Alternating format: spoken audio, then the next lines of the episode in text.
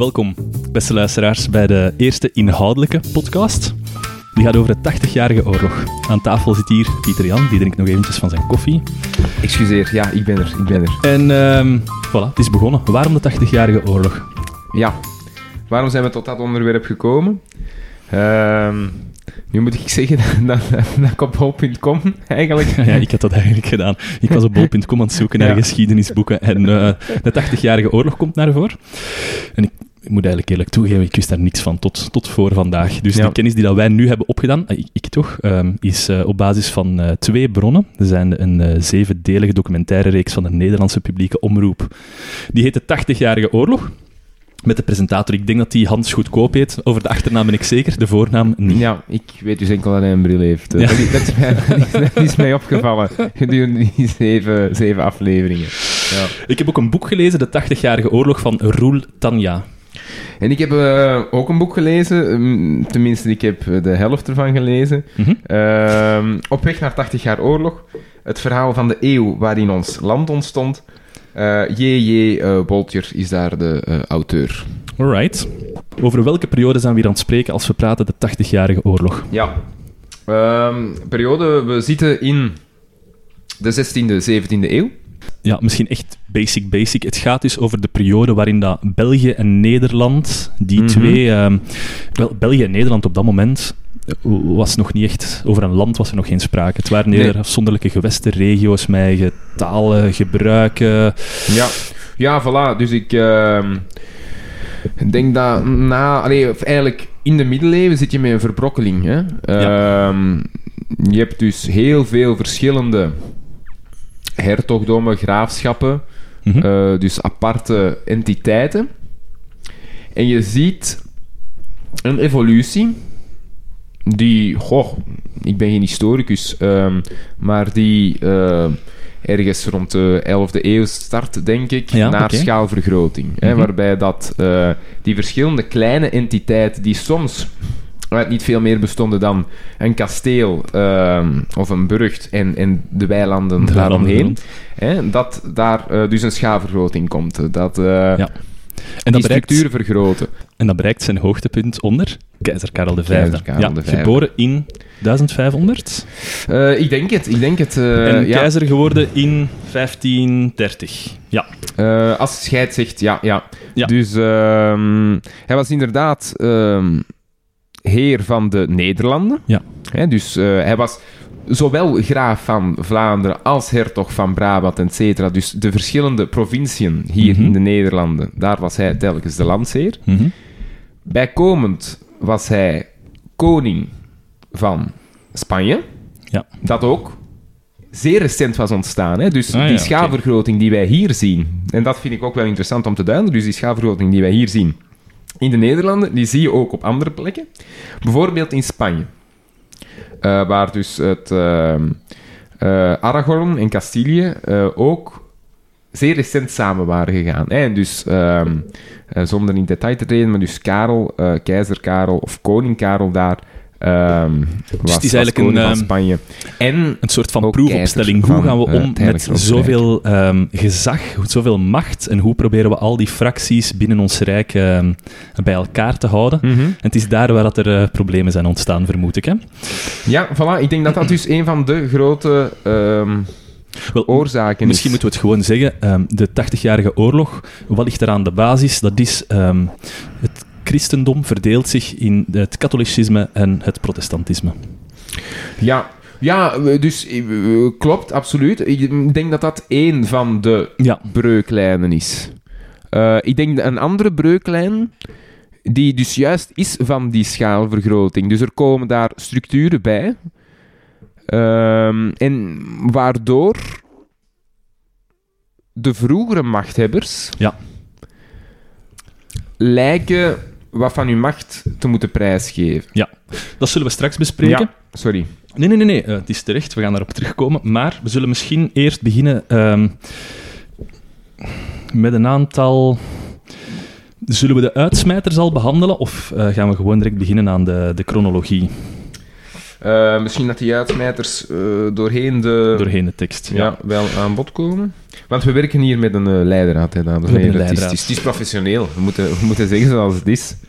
Ja. Die, die voornamelijk ook wel door Steven is, is opgesteld. Door ons beiden. Door ons beiden. Ja. Ehm, de, de Nederlanden, zowel de, de noordelijke als de zuidelijke Nederlanden, in de 16e eeuw, is een maatschappij in evolutie. We zien dat daar op bepaalde plaatsen enorme bevolkingstoenames zijn.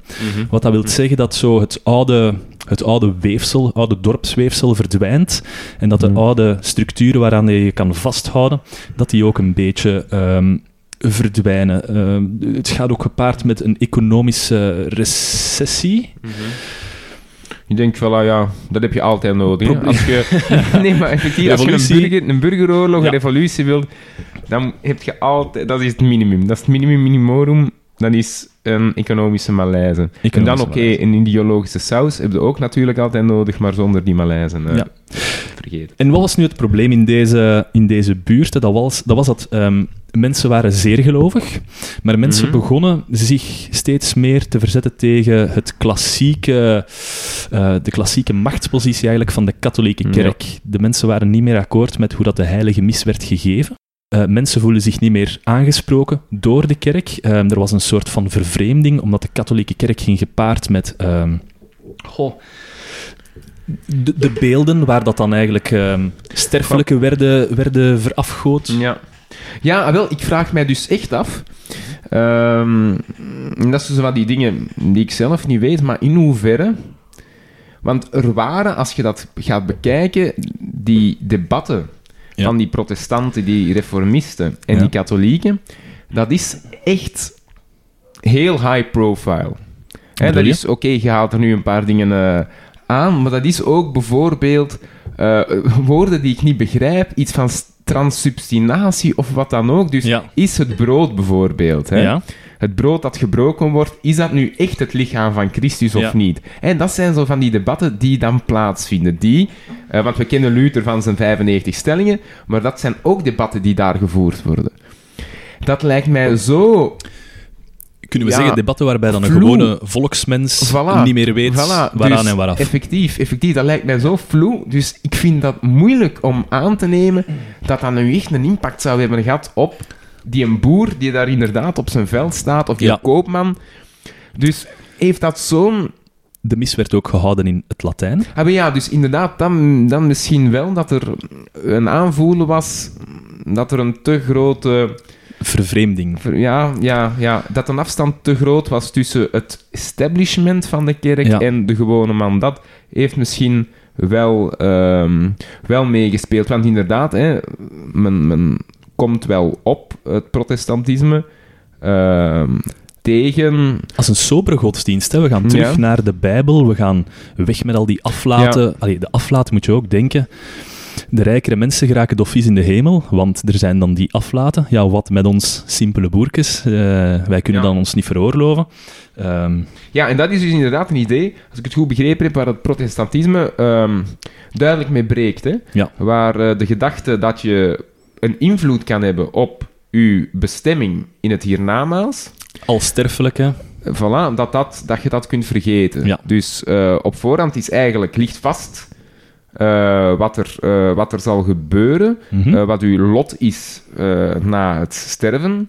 Eh, en eh, omdat God zo almachtig is, zo heb ik het toch begrepen, je kunt daar als inderdaad gewone sterveling, kun je daar niks aan veranderen. Ja. Eh, je En- moet dat niet denken dat je dat kunt. Ehm, oh ja, ik ben een beetje vergeten wat ik nu juist wou zeggen. Eh, ja, ik heb... Ja, ah, sorry, natuurlijk. ja. Dat, ehm, dat idee dat slaat dan aan in de steden waar, dat het, waar de Mhm. bevolkingstoename ehm, explosief is, waarbij dat de mensen die vervreemding voelen, en daar begint Ja. dat dus te groeien. Ja. En waar is dat voornamelijk? Het grappige is, dat begint voornamelijk hier in de zuidelijke Nederlanden, dus in België. Als we de situatie van vandaag bekijken, zien we dat de noordelijke Nederlanden protestant zijn en de zuidelijke Nederlanden katholiek, maar vroeger was het dus eigenlijk omgekeerd. Hè. We hebben dus een anekdote gezien in de documentaire over Hondschoten. Hondschoten, dat is een, eh, een dorpje in, ehm, is dat West-Vlaanderen? Eh, het, zou kunnen, het zou ja. kunnen, of of Frans, Frans-Vlaanderen. Ja, ja. of aan de Franse grens. Waarbij dat het inwonersaantal op 60 jaar tijd van 2500 gestegen is naar 15.000 inwoners. Dus we Ja, zien dat kun je dus- niet voorstellen. Dat hè? kun je niet. Nee, ja. nee. Als je dat nu inderdaad moet... eh, want Dat oké, kan dus 2500 inwoners, ik denk dat dat toen ook wel al een serieuze stad was. Ja, Maar dan inderdaad ineens, nou, dat, eh, dat kun je nu niet voorstellen. dat is een verzevenvoudiging. Dat is... Allee, ja, dat kunnen we ons niet inbeelden. Nee, nee. Dus die nee, nee, maar dus inderdaad, in die, als je dan naar, naar hedendaagse contexten ehm, overplaatst, ja, dat, dat is zo'n eh, broedbodem voor ja, van die extremere ideeën. partijen. Hè, ja, voilà, Ja. inderdaad. eh, het weefsel, dat, het sociaal weefsel, hè, je hebt het eh, er juist al gezegd, dat, eh, dat verstoord geraakt. Ehm, dat is een ideale kweekvijver daarvoor. Ja. En dan zitten we daar in Spanje met een keizer, keizer Karel, en die is ehm, keizer benoemd door de paus. En die Ja. moet dus het katholicisme verdedigen. Die kan dan niet zomaar zien gebeuren dat er in zijn konterijen, die dat onder zijn ehm, bewind staan, dat er daar een soort van ehm ketterij, een, eh, een, een, ja, een, nieuwe godsdienst plaatsvindt, die dat rechtstreeks ingaat tegen de katholieke kerk en tegen zijn gezag als keizer. Ja. Dus wat doet Karel? Hij vaardigt plakkaten af, en ik heb het moeten opzoeken, plakkaten dus, eh, waarin dat straffen staan voor iedereen die dan niet katholiek is.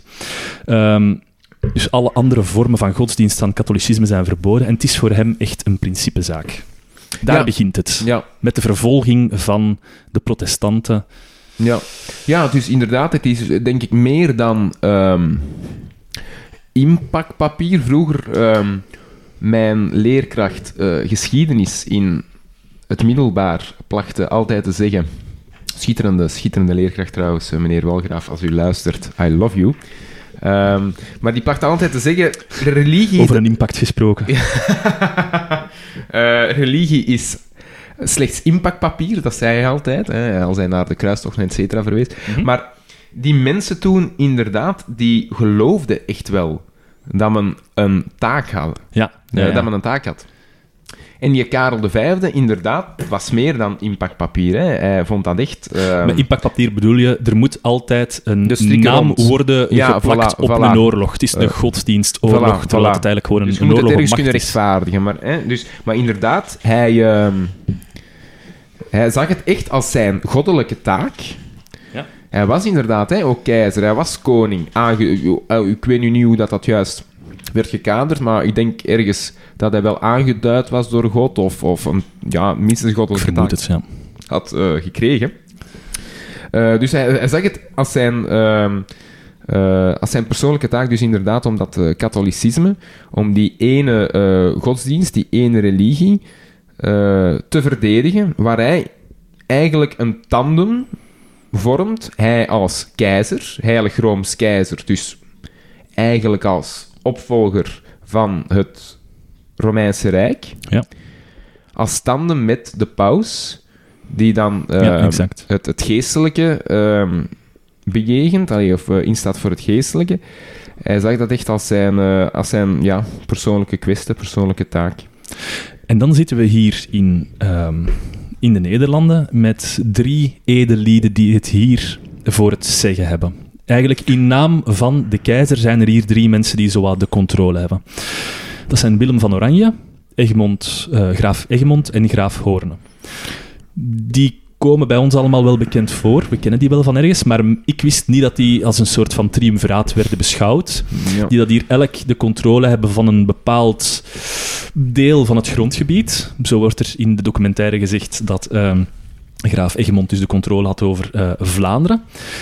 Ja, ik denk dus een deel van... eh, we hebben het daar juist inderdaad... eh, we mogen eigenlijk geen blikken eh, werpen op, op de gesprekken achter de coulissen, maar we hebben het daar juist al daarover gehad. Eh, en dus er wordt inderdaad in de documentaire gezegd dat hij graaf van Vlaanderen is, als ik mij niet vergis. Ja. Maar dus ik, ik vraag me af of dat, dat klopt. Volgens mij is eh, Karel V was graaf van Vlaanderen. Hij was de landsheer. Dus, maar Oh ja. ik neem aan dat hij inderdaad wel ehm, Heeft een- iets voor het zeggen. La- ja, voilà, voilà, dat hij een belangrijk man was in Vlaanderen. Dus dat zijn Ja. eigenlijk ehm, drie personen die dat het hier ongeveer ehm, voor het zeggen hebben in dan die Nederlanden. Boven die mensen staat er Margaretha van Parma. En Margaretha van Parma is de halfzus van Philips II en zij is de landvoogdes van de Nederlanden. Dus zij moet een beetje schipperen tussen de wil van Philips II. We spreken nu over Philips II omdat ehm, eh, keizer Karel gestorven is en Philips II, zijn zoon, Is volgt hem op. opvolger, hè, ja. Ja, volgt hem op. Ehm, dus zij moet een beetje schipperen tussen eh, de wil van Philips II en ehm, die drie hoogste edellieden die dat het hier eigenlijk nog wel in een half feodale structuur zo wat te zeggen hebben. Ehm, Ja, Ah, ik denk dus inderdaad dat je daar die schaalvergroting en het probleem weer met die schaalvergroting ziet. Ehm Margaretha van Parma, Philips II. Ik denk dat Margaretha van Parma de zus was, zeker van Philips II. Ja, halfzus heb ik gevonden, halfzus, ja. voilà, ja, bon.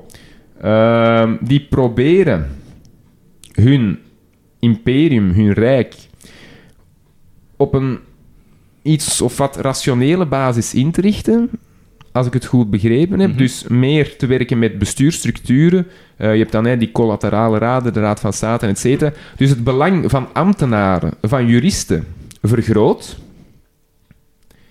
Wat betekent als hun belang vergroot, hè, en dus het belang van het centrale gezag vergroot, dat het belang van andere mensen afneemt. En dus dat zijn die lokale machthebbers. Ehm, een Willem van Oranje, een, een graaf. eh, die zien hun macht terugdijnen. Iets of wat, denk ik. Ja, ze ze ja. verliezen ook de controle over het leger, want die worden dan gegeven aan Spaanse ambtenaren, die dat dan de controle al, dat krijgen over het Voilà, leger. voilà, dus inderdaad, er wordt mee geschoven. Hè. Ja. Ehm, ik denk, Waardoor dat die ook bij elkaar beginnen klitten. In de zin van, wij voelen ons gesterkt in onze strijd tegen het Spaans gezag. Ja. Ah, maar ja, en ik denk eh, ook weer om een parallel te trekken, misschien zijn we te gratuit eh, om, om die parallellen te trekken met, met eh, de dag van vandaag, maar ik denk dat je, of het is een bedenking die ik me heb gemaakt met Europa, je krijgt daar dan ook die structuur boven. Ah, ja, ja. En lokale machthebbers, zijn de, de nazistaten, voelen ook ergens van: oké, we geven hier wat macht af, er komt hier iets bij, we hebben zogezegd minder te zeggen, we verliezen wat van onze soevereiniteit. En of dat dan nu klopt of niet, dat creëert een sentiment. ehm, waar dat, denk ik, radicale ideeën eh, kunnen ontstaan of een revolutionaire context ehm, Ja. goed in gedijt. Even terug naar ehm, de godsdienst dan. Dus die drie edellieden die hebben het hier voor het zeggen. Ja. Maar die zien dat er onder hun bevolking ehm, die, die verschuiving begint te ontstaan naar het protestantisme. En dat die lokale bevolking, waar dat zij eigenlijk nog altijd heerser van zijn, dat die ehm, zeer zwaar onder druk komt te staan naar aanleiding van die plakaten en die vervolging van de protestanten. Als we het hier hebben over vervolging, mogen we dat echt wel in de meest gruwelijke vorm van het woord zeggen. Het gaat hier Ja. over vierendelingen, publieke executies. Ja, ehm, werk, werkstraffen kende men toen nog niet. eh, Nee, nee, nee, nee. Met uitstel Ja. bestond toen ook nog niet. Die. Verzachtende omstandigheden. Nee, nee. Dat was... ehm, ja, dat was gewoon koppetje af. Hè. Een kopje kleiner maken, letterlijk. Ja, als je geluk had. Als, dan, dan als je geluk had, ja, was, die, was direct dan was het snel Ja, ja, gedaan. ja. Want zo'n vierendeling, dat Ja, werkt... ik denk... Dat werkt ook vaak niet. vaak moeten ze dan met een beul moet dan nog een keer de schouders Ja. overhakken. En, allee, in ieder ja, ik geval dat je daar een wel enorm- eh, goed wakker van wordt. ja, ja. een enorm gruwelijke periode. En zij merken natuurlijk ook, ja, die, die gruwelijke executies, dat is niet zo goed voor het sociale weefsel van uw gemeente, van uw regio waarin dat je zit. Dus, ook al zijn zij op zich katholiek, zij vinden, ja, we, we moeten toch... We, we mogen niet zo streng optreden, want dit loopt echt de spuigaten uit. We moeten hier proberen een soort van middenpositie in te vinden. En, eh, ja, Ja, voilà. Ik denk dat dat ook weer hetgene is van dat centrale gezag. Hè, die structuren die vergroten, maar tezelfde tijd ook de voeling verliezen met. Hè, dus eh, die macht die wordt geconcentreerd in die centrale bestuursstructuren, die collaterale raad, de Raad van State, et cetera. Allemaal goed en wel. En die Philips II en die Karel V, het moet katholiek, eh, we, we gaan hard optreden, maar men verliest eigenlijk de voeling met die lagere regionen, wat dus eh, die eh, graven en die lokale graven wel eh, hebben, Mhm. die inderdaad aanvoelen van, bon, er is hier iets op til, dat protestantisme, die reformatie, ehm, het volstaat niet meer om die mensen een pak voor hun broek te geven en dan hè, zal het wel gedaan zijn. Doen, nee, we, zijn, hè, we, we, we hebben die Ja. brug overgestoken. Dus Ja. die voelen dat inderdaad aan en is- proberen wat ja, te schipperen. We kunnen het niet terugkeren, Voilà, laat voilà. het ons zo zeggen. Is die doos van Pandora, die is opengedaan. eh, en we kunnen hem er terug. Terwijl dat ze inderdaad de instructies die ze krijgen eh, zeer rechtlijnig zijn. Hè, van los het op. Ehm, maar zij zien, nee, dat, eh, dat gaat niet meer. En zij Ja. proberen daar, zoals je terecht zegt, terecht aangeeft, een, een brugfunctie in te... Ja. eh, Ik denk dat we dan toekomen bij het smeekschrift der edelen. Ehm, dat is in 1566 gebeurd. Wat is dan nu eigenlijk het smeekschrift der edelen? Dat is een... ehm, Margaretha van Parma, dus de landvoogdes van de Nederlanden, zit op dat moment in eh, Brussel gevestigd. Mhm. En de lage edelen trekken in kolonnen naar het paleis van Margaretha... Dat is uw water, ja. Ja. Excuseer, excuseer. Ja. Vertrekken, vertrekken in kolonnen naar Margaretha van Parma. En wat vragen zij daar? Zij vragen Ja. een aantal zaken aan Margaretha, want zij zeggen, kijk, dit loopt hier de spuigaten uit, we moeten hier ingrijpen. Ehm, zou het mogelijk zijn om de, plaketten, eh, de plakaten af te zwakken, om enigszins tegemoet te komen aan die opstand? Margaretha van Parma is onder de indruk van die edelieden die dan naar haar komen, ongewapend weliswaar, maar oké, Ja. het is 200 man dat voor haar deur staat, dus Voilà. zij is onder de indruk. Ja, ja. En zij zegt, ja oké, in afwachting van het antwoord van Philips II, want ze stuurt natuurlijk die een brief wel door naar Philips II in Spanje, daar gaat een tijdje over. Ja. En intussen geeft zij alvast de boodschap van oké, wij zullen die zware vervolging van die protestanten, we zullen dat eventjes opschorten, ehm, afwachtend van het antwoord van Philips II. En dan begint het. Ja, ja en denk, ehm, eh, om, we hebben het er juist over uitsmijters gehad. Ehm, wat de Granvelle, dus een van haar raadgevers, op dat moment Juist, zegt, hè, ja. eh, is van, maar ehm, Margaretha, trek het u allemaal niet aan, wat die losers hier komen zeggen. En wat zegt hij dan? Il ne sont que des gueux? Que de gueux. Ja, Ja, of que gueux. ik weet niet hoe je dat uitspreekt. Ja, Ja. bedelaars. bedelaars. Voilà, het zijn eh, gewoon bedelaars en Losers. losers, inderdaad. Maar daar komt dus wel de geuzennaam van De geuzennaam, ja. Geuzen. Hè? Dus dat is, wat een ere, dat is een eretitel geworden, de Geuzen. Ja. De verzetstrijders eigenlijk Ja. ehm, tegen Dat wist ik dus Spaanse niet. gezag. Ehm, dat was iets nieuws. Dus de, de Geuzen eh, is eigenlijk de titel die werd gegeven aan die 200 edelen. Maar in de volksmond werd die titel dan ook al direct gebruikt voor iedereen die het verzet opnam Voilà. tegen de Ja. Spaanse overheersing. Dat waren is- dan de Geuzen. En er is een zelfstandig naamwoord naar, eh, naar vernoemd nu, hè? de Geuzennaam. Voilà. Dus dat is inderdaad daar, eh, daar begonnen. Nu, doordat Margaretha van Parma had gezegd, oké, we zullen die vervolging eventjes stopzetten, voelden de protestanten zich natuurlijk versterkt in hun, in hun strijd. Hè. De, er was eh, relatieve godsdienstvrijheid op dat moment. Hè. Men werd er althans niet voor vervolgd. En, en wat, wat zeiden die drie edelieden, eh, die Willem van Oranje en, en, en eh, Egmond en Hoorn, die zeiden, ja, kijk, eh, binnen de stadsmuren houdt je aan het katholicisme. Hè. Daarbuiten doet je maar wat dat je wilt. En dan eh, ontstaat er het woord de Hagenpreken. En de Hagenpreken, dat zijn eigenlijk de, de protestanten die zich verzamelen buiten de stadsmuren, in de velden, waar dat ze eigenlijk een redelijk goed eh, zicht hebben over of wat er eventuele eh, mensen aan het meeluisteren zijn, of wat er vijandelijke troepen afkomen. Zij hebben dat daar allemaal goed in het oog. Vandaar ook de Hagen, hè, de Hagenpreken. Ehm, waarin dat de protestante ideeën worden verkondigd. En in de documentaire wordt het ook prachtig verwoord. Het is iets nieuw. De mensen willen daarbij zijn. De mensen zeggen, oké, er is hier een soort van nieuwe katholiek, eh, Mhm. nieuw geloof. Ehm, dat wordt verkondigd. En dat is, dat is een echte hype op dat moment. Het is een echte hype, want het komt over van Duitsland, waar dat het echt al enorm grote impact heeft gehad. ja, je hebt voilà. dan Luther, je hebt dan Calvijn. En Ja. men wil gewoon weten, wat is dat hier allemaal? En die evolutie die versterkt, die versterkt zich tot in de beeldenstorm. De beeldenstorm, alweer iets wat dat iedereen ooit al over geleerd heeft. Ja. Ehm, die hagepreken die, die lopen als het ware over van sentiment, waardoor de mensen naar de katholieke kerk lopen en daar alle beelden kapot maken. Eigenlijk zit het gewoon in de naam zelf, de beeldenstorm. Voilà, ja, dus eh, ik denk dat dat inderdaad niet mag zeker. Heilige, nee, heilige verering is in het protestantisme is een no-go volgens mij. Ja, ja. Dus inderdaad, eh, Want dat zijn af- stervelingen die dat dan in het huis van God ehm, worden Voilà. verafgood. En, ja, ja, ja. ja, dus in het protestantisme is ook die link tussen ehm, gewone mens en God is veel directer. Hè? Dus bij ons, allee, of het katholicisme, Ja. ik zeg nu bij ons, maar bon, ehm, ik ben gedoopt maar, en, en ik heb mijn communie gedaan, daar blijft het ook Er zit op zijn minst nog meneer Pastoor tussen. Ja, voilà. Dus daar is een hele hiërarchie, heilige kader, et cetera. Dus je moet een heel huishouden eh, onderhouden. Eh, dus heel die middenstructuur zit er niet in bij protestanten. Ja. Eh, en ik denk inderdaad, vandaar die een beeldenstorm, ehm, dat men dat zag als het, het, het verafgoden Ja. van.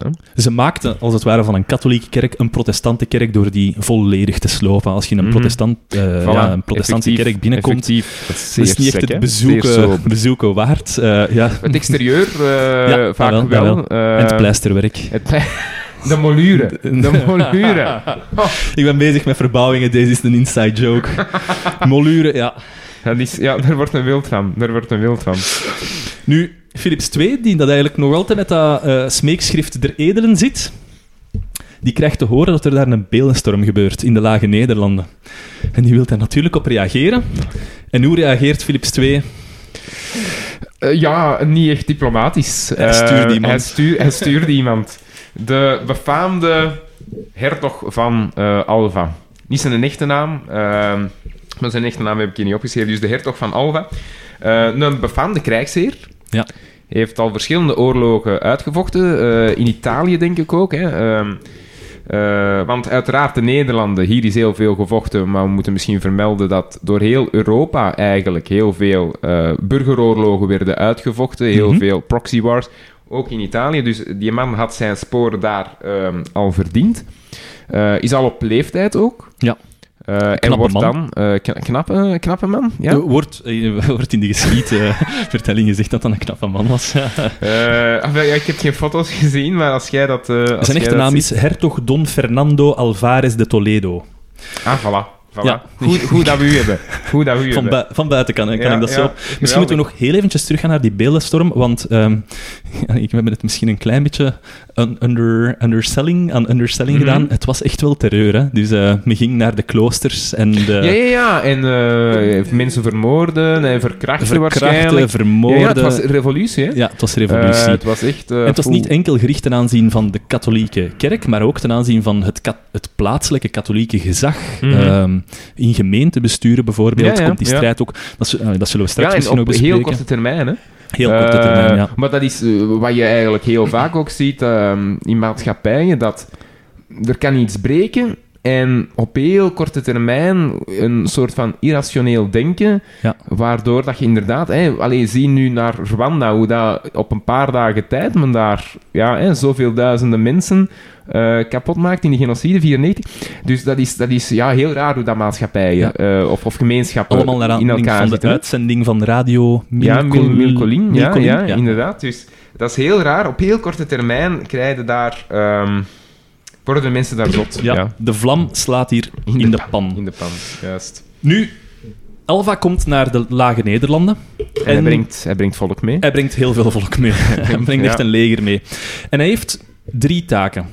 Ehm, de bisdommen in de Nederlanden moeten opnieuw worden ingedeeld, maar oké, dat is een katholieke maatregel. Het concilie van Trente moet worden ingevoerd. Ehm, ja, eigenlijk terug uh, halstarrig vasthouden aan het Ja, het katholicisme. concilie van Trente was ehm, een eh, concilie, dus een bijeenkomst van geestelijken Ja. eh, in Trente, naar aanleiding van dus die reformatie, waar dan men is ging kijken van oké, moeten we de katholieke kerk niet aanpassen, moeten we dan niet bepaalde eh, maatregelen eh, gaan nemen. Ehm, en dus ja, oké, er waren bepaalde besluiten uitgekomen, bepaalde... Maar niet bepaald gematigd. Eh, ik denk niet bepaald gematigd, nee, nee, nee. nee. En zijn, zijn derde taak was eh, de beeldenstormers, die moesten worden afgestraft. En daarvoor had hij een speciale rechtbank opgericht, de Raad der Beroerten. Want de beroerte, dat werd eigenlijk, die beeldenstorm, dat werd hier eh, omschreven als de beroerten in de Lage Nederlanden. Dus dat was de Raad der Beroerten. En dat werd in de volksmond ook wel, quizvraag, De bloedraad ja, genoemd. uiteraard, uiteraard. Ja, ja. Nu, Dus ehm, die bloedraad, daar werden dus mensen voor de bloedraad geroepen. We gaan het gewoon zo blijven noemen, omdat dat de Mhm. meest eh, Ja, bekende naam is korter. Ja. En die werden dan ehm, aangeklaagd wegens majesteitsschennis. En daar hoor je het ook al direct. Hè. Dus ingaan tegen het katholieke geloof. Is-. Ja. ingaan tegen de majesteit en het gezag van Ja. de keizer. ehm, of op dat moment dus koning Philips II. Ja. Eh, koning geen keizer, want hij is niet tot keizer benoemd. Nee, dus eh, Karel de eh, Vijfde is ehm, opgevolgd. Dus Karel de Vijfde hè, ehm, Keizer? had in zijn keizer Karel de Vijfde eh, verenigde zowel ja, de kroon van Spanje als de keizerskroon van het Heilig Roomse Rijk als ja, de kroon van de Nederlanden. Oké, er was Mhm. eigenlijk geen kroon, maar bon, hij ver- eh, verenigde die drie gebieden, ook de overzeese gebieden, eh, het nieuwe, eh, de nieuwe wereld. Maar hij wordt opgevolgd door twee mensen. Enerzijds zijn broer Ferdinand in Duitsland. Die wordt daar keizer. Mhm. Eerst koning, dan keizer. En hij wordt in de Nederlanden en in Spanje opgevolgd door zijn zoon Philips II. Bon, ja, dus een klein intermezzo. Nee, nee, nee. eh, ja. Ze- Zeer goed, zeer Excuus, goed. maar, maar ja. Dus eh, de bloedraad, we waren bij de Ja. bloedraad, ja. Wat heeft die bloedraad gedaan? Die heeft ehm 1100 mensen ter dood veroordeeld. Dat is ongeveer ehm richtgetallen. 1100 mensen ter dood veroordeeld. En eh tien keer zoveel mensen verbannen. Dus Ja. ongeveer rond de 11.000 en dat mensen ging dan verbannen. gepaard met de confiscatie van bezittingen. Dat ging volledig gepaard met de afname van uw goederen. Dus zowel de mensen die vermoord werden als de mensen die verbannen werden. ehm, al hun goederen werden in bezitting genomen door de overheerser. Ehm, dat wil dus zeggen dat je niet enkel de schuldigen treft, maar ook de familie en alle mensen, Ja. de erfgenamen, de, de, de schoonfamilie, die worden daar natuurlijk ook allemaal door getroffen. Ehm, dus, en, en, en waarom werd dat nu gedaan, die, die inbezitname? Dat is omdat die schatkist, die oorlogsschatkist, die moet natuurlijk worden gevuld. En dat is de ultieme manier om dat te doen. Je neemt gewoon de bezittingen van de overwonnenen over en je financiert daar jouw oorlog mee. Dat, bl- dat gaat ook een heel problematisch punt blijven doorheen de 80-jarige oorlog. Dat is de financiering van het leger van zowel Spanje als van, ehm, als van Willem van Oranje uiteindelijk. Ja. Ja, want er wordt op... eh, dus wederom, hè, er wordt op verschillende plaatsen gevochten in Europa. Hè. Het is dus niet enkel de Nederlanden. Dus eh, al die legers moeten eh, betaald worden. Dus die schatkisten van, die, van die koningen, van die keizers, die ehm, zijn, zijn nagenoeg leeg. Ehm, nog een interessant punt, omdat ik hoorde nu daar juist zeggen de overheerser. Ehm, hè, Alva eh, en, en Philips II. We moeten misschien zeggen, Philips II en, en Karel V voor hem waren wel de legitieme landvoogden Ja. van de Nederlanden. Hè. Zij waren eh, geen buitenlandse heersers. Ka- Ka- Karel, keizer Karel, is geboren in Gent. Ja. Ehm, en heeft zijn eh, jeugd eh, hier, hier doorgebracht. Eh, dus ik denk dat het achteraf natuurlijk beschreven is als een gevecht tegen buitenlandse monarchen. Ja. Ik weet niet of dat, dat toen al zo gepercipieerd Ah ja, werd of kon worden.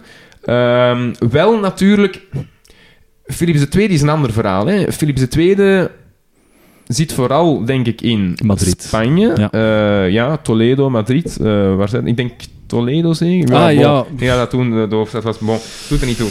Ehm, en dat je dan meer dat denken gaat krijgen van... Oké, het is eigenlijk de Spaanse eh, overheersing. Maar zeker dus bij die Karel V kon je dat nog niet zo zien. Zelfs sterker heb ik, eh, dat is een van de interessante punten uit het boek dat ik heb gelezen.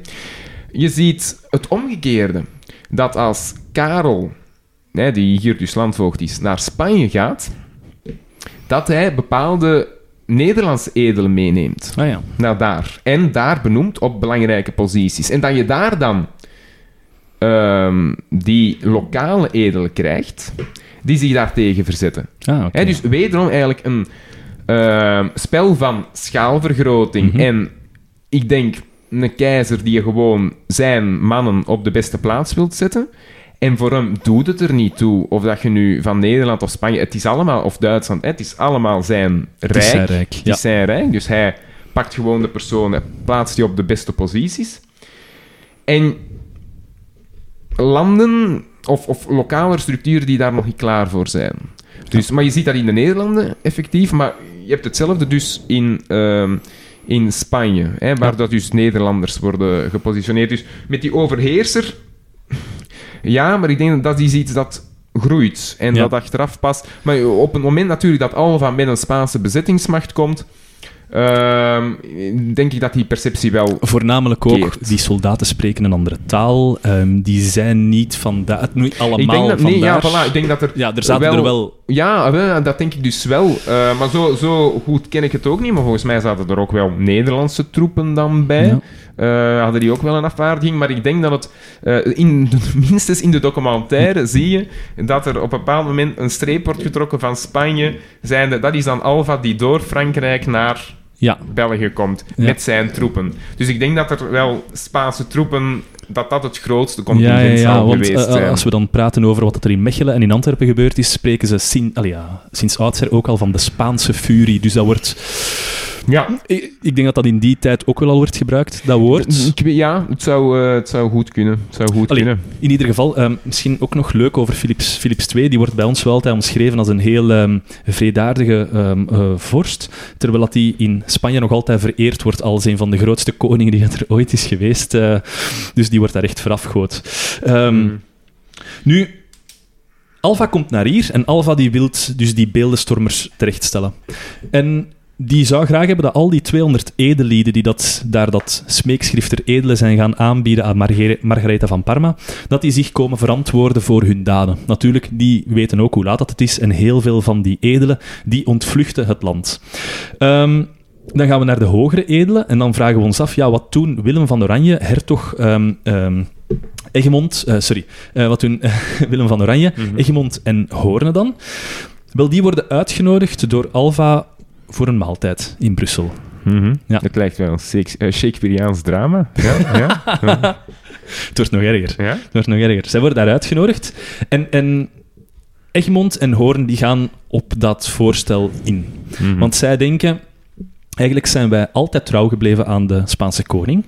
Ehm, wij zijn altijd katholiek gebleven. Ook al zijn er geruchten dat Hoorne met een protestantse vrouw was of zo. Of dat zijn moeder ook Juist, protestants juist, was. Allee, anyway. ehm, het enige wat dat zij hadden gedaan, dat was dat zij de, de hagenpreken, dus de preken buiten de stadsmuren, oogluikend hadden toegestaan. Mhm.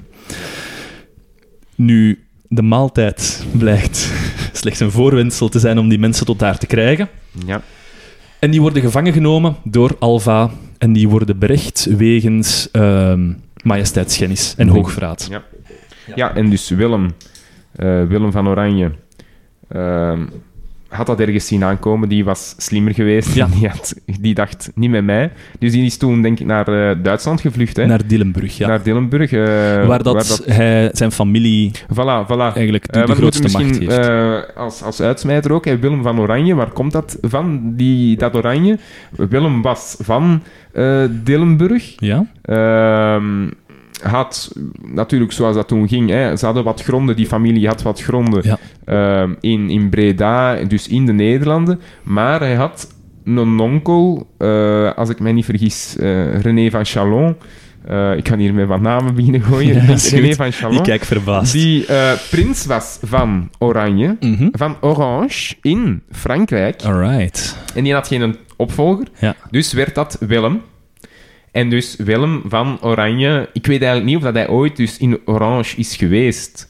Eh, maar dus hij is... eh, ja, dat ging natuurlijk toen zo. Hè, dat je verschillende hertogdommen, eh, prins... Ja, het was inderdaad wel verdeeld over Duitsland, Voilà. Nederland en, en eh, Frankrijk. dus hij was daar ook de, de opvolger, Willem van Oranje.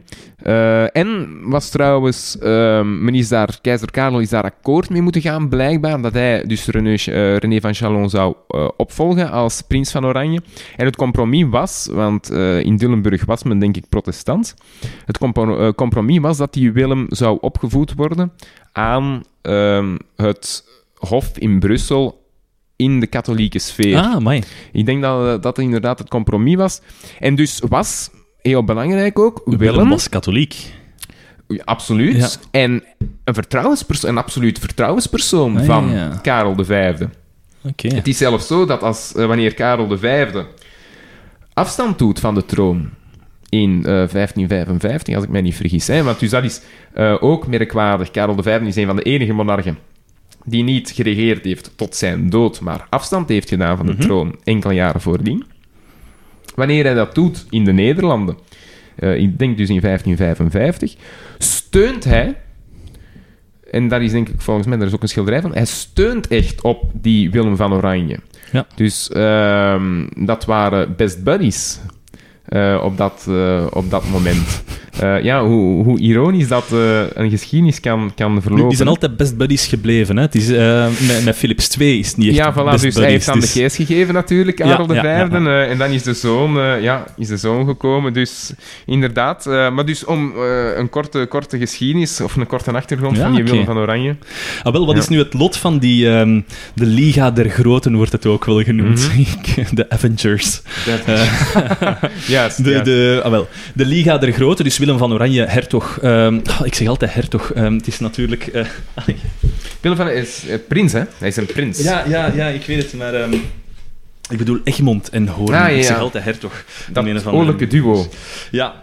Ah, wel, ehm, dat lot is dus natuurlijk ons wel bekend. Zij zijn onthoofd op de markt van Brussel. Ja. En dat was op 5 juni 1568.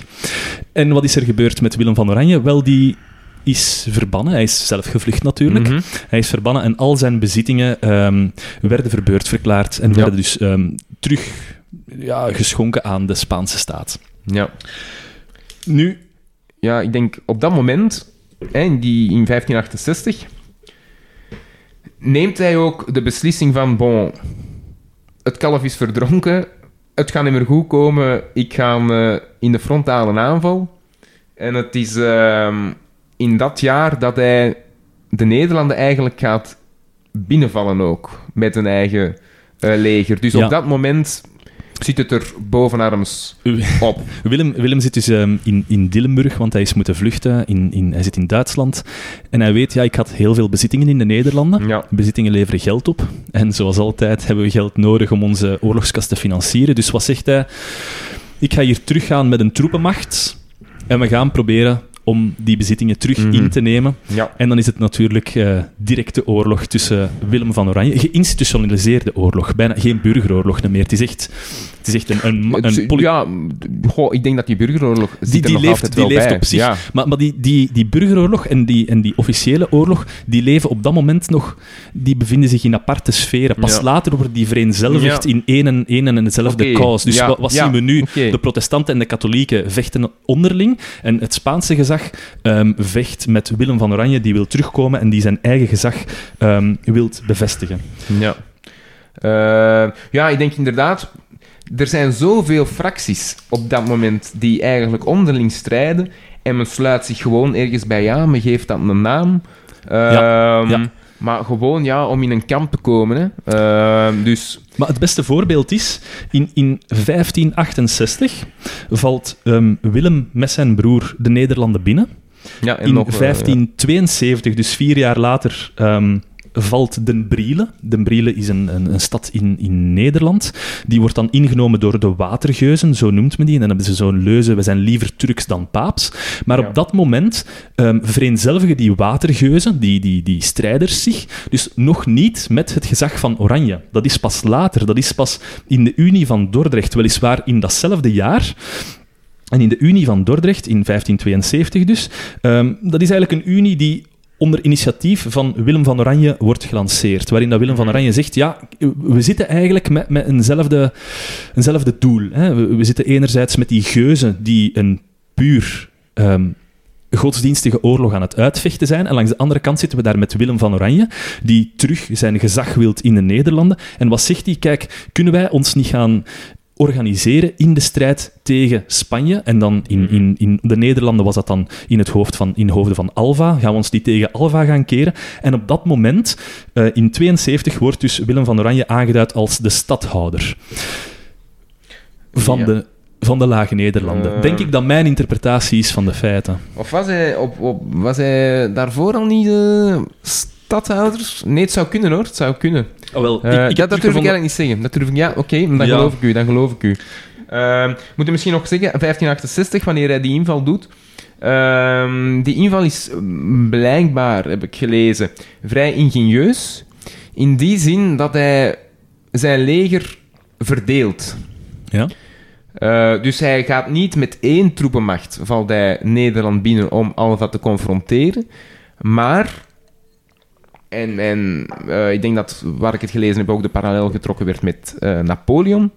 Met, eh, met, met Napoleon Bonaparte. Dat hij, ik denk, vier, drie of vier troepenmachten heeft. Die Mhm. elk op een andere plaats de Nederlanden gaan binnenvallen. Ja. Waarbij dus de bedoeling is dat ehm, Alva zich zou keren tegen één van die troepenmachten. Eh, dus ik, denk dat het zo is dat er drie troepenmachten zijn die dus hè, moeten binnenvallen, dat Alva zou reageren en dat dan Willem met de hoofdtroepenmacht zou binnenvallen. En dus, ja, op dat moment hè, zou Alva ergens anders zijn eh, en zou eh, Willem een, ehm, een vrije boulevard hebben om eh, op te rukken. Dus het onderverdelen van zijn leger om eh, Alva, Alva terug te trekken en dan ehm, eigenlijk, mm, denk ik, in de rug ergens de genadeslag te kunnen eh, toebrengen. Maar dus dat was vrij ingenieus toen in 1568. Eh, nu, het is allemaal eh, wat anders Op een uitgedraaid. sisser Het uitgedraaid. is allemaal op een sisser uitgedraaid. Er heeft ehm, de troepenmacht die van Frankrijk moest binnenvallen, hè, dus eh, vanuit het zuidelijke, Ja. die, die kwam niet. Ehm, Willem heeft serieus dan op zijn doos gekregen. Ja. En ik denk eh, enkel de broer van Willem heeft eh, een slag kunnen winnen. Ja, oké. Eh, de slag bij Heiligerlee, ook in 1568 dus. Ehm, daar is dan, ja, heeft men een kleine overwinning kunnen behalen. Eh, en dat wordt dan ook meestal gezien. Je zou ook de onthoofding kunnen, van Egmond en Hoorn kunnen, kunnen Ja. aangrijpen. Maar dus dat wordt meestal gezien als het begin van de 80 jaar Om mooi 80 jaar te Eh, hebben, vermoed ik. Ja, dan. voilà, voilà. Ja, Dus we zijn nu, eh, beste luisteraars, in het begin van de 80-jarige oorlog. Ja, dit was maar de Ja, we aanleiding. hebben enkel de aanloop nu nog maar gehad. Eh, maar dus inderdaad, zoals je zegt... maar dit is eigenlijk het interessantste. Hè? De aanleiding is Ja, het interessantste voor de rest. Allee, het beste voorbeeld is ehm, een van de Spaanse furies die dat nu gaat komen. Dus terwijl dat Willem daar ergens in eh, de noordelijke Nederlanden een kleine veldslag aan het uitvoeren is, zien we natuurlijk dat het leger van Alva hier ehm, stad per stad alles probeert in te nemen. Zoals we daarnet hadden gezegd, Vlaanderen was voornamelijk Vlaanderen. Zuidelijke Nederlanden waren voornamelijk protestant gezind. En het leger van ehm, de zoon van Alva, Don Frederik, komt toe in Mechelen. In eh, Hoe, hoe cliché 1572. kan een Spaanse naam zijn? Die komen in 72 toe in Mechelen. En ehm, Mechelen is op dat moment aangesloten of heeft een soort van alliantie verklaard met eh, Willem van Oranje. Maar ehm, er zijn een aantal Spaanse koningsgezinde burgers en die denken, ja, als wij hier gaan stand houden tegen Alva, dan gaat er van deze stad niets meer overblijven. Dus wat gaan wij doen? Wij gaan de poorten openzetten voor Alva en wij gaan vragen om... Ja, om eh, mercy te hebben met, met onze... genade te hebben met onze strijd. Eh, met onze zaak. Wat blijkt, ehm, Alva is een andere mening toegedaan en hij laat drie dagen van plunderingen toe, folteringen en moorden in Mechelen. Dat wordt dan ook wel de Spaanse furie in Mechelen genoemd, niet te verwarren met de Spaanse furie die later ook in Antwerpen zal plaatsvinden. Mhm. Eh, ja, voilà. Ik denk dat dat een van de... Dus mm, Alva doet het zeker niet slecht, hè? Nee, nee, nee. nee. In zijn... ehm Allee, het was ook al... Militair gezien, Zijn cv was al heel Ja. goed op dat moment, hè, dus eh, in, vanuit vroegere oorlogen. Maar hij doet het zeker op dat moment militair gezien dan. Militair gezien. helemaal niet slecht. Hij heeft Willem een paar keer, zoals gezegd, ehm, op, zo, op zijn doos gegeven. Maar natuurlijk, politiek ja, is hij het wat aan het verbrodden. Hè? Want andere steden zien ook wat er gebeurt. Er valt blijkbaar met die Alva niet te praten. Ja. Zelfs als je u overgeeft, uw poorten opent, Ja. dan nog heb je het spek aan uw kloten, om het zo te zeggen. Het is een plus 18 podcast. Dat moet je er misschien bij zeggen. Ehm, Maar we zien dat ook, hè. een jaar later, dus na wat er gebeurd is in Mechelen, in, in 1573 dan, wordt er al een einde gesteld aan het mandaat van Alva. En waarom? Dat is omdat zijn andere doelen niet werden gehaald. Zijn militaire doelen haalde hij wel binnen, maar de schatkist was leeg. Ehm, de tegenstanders op politiek vlak winnen aan gebied.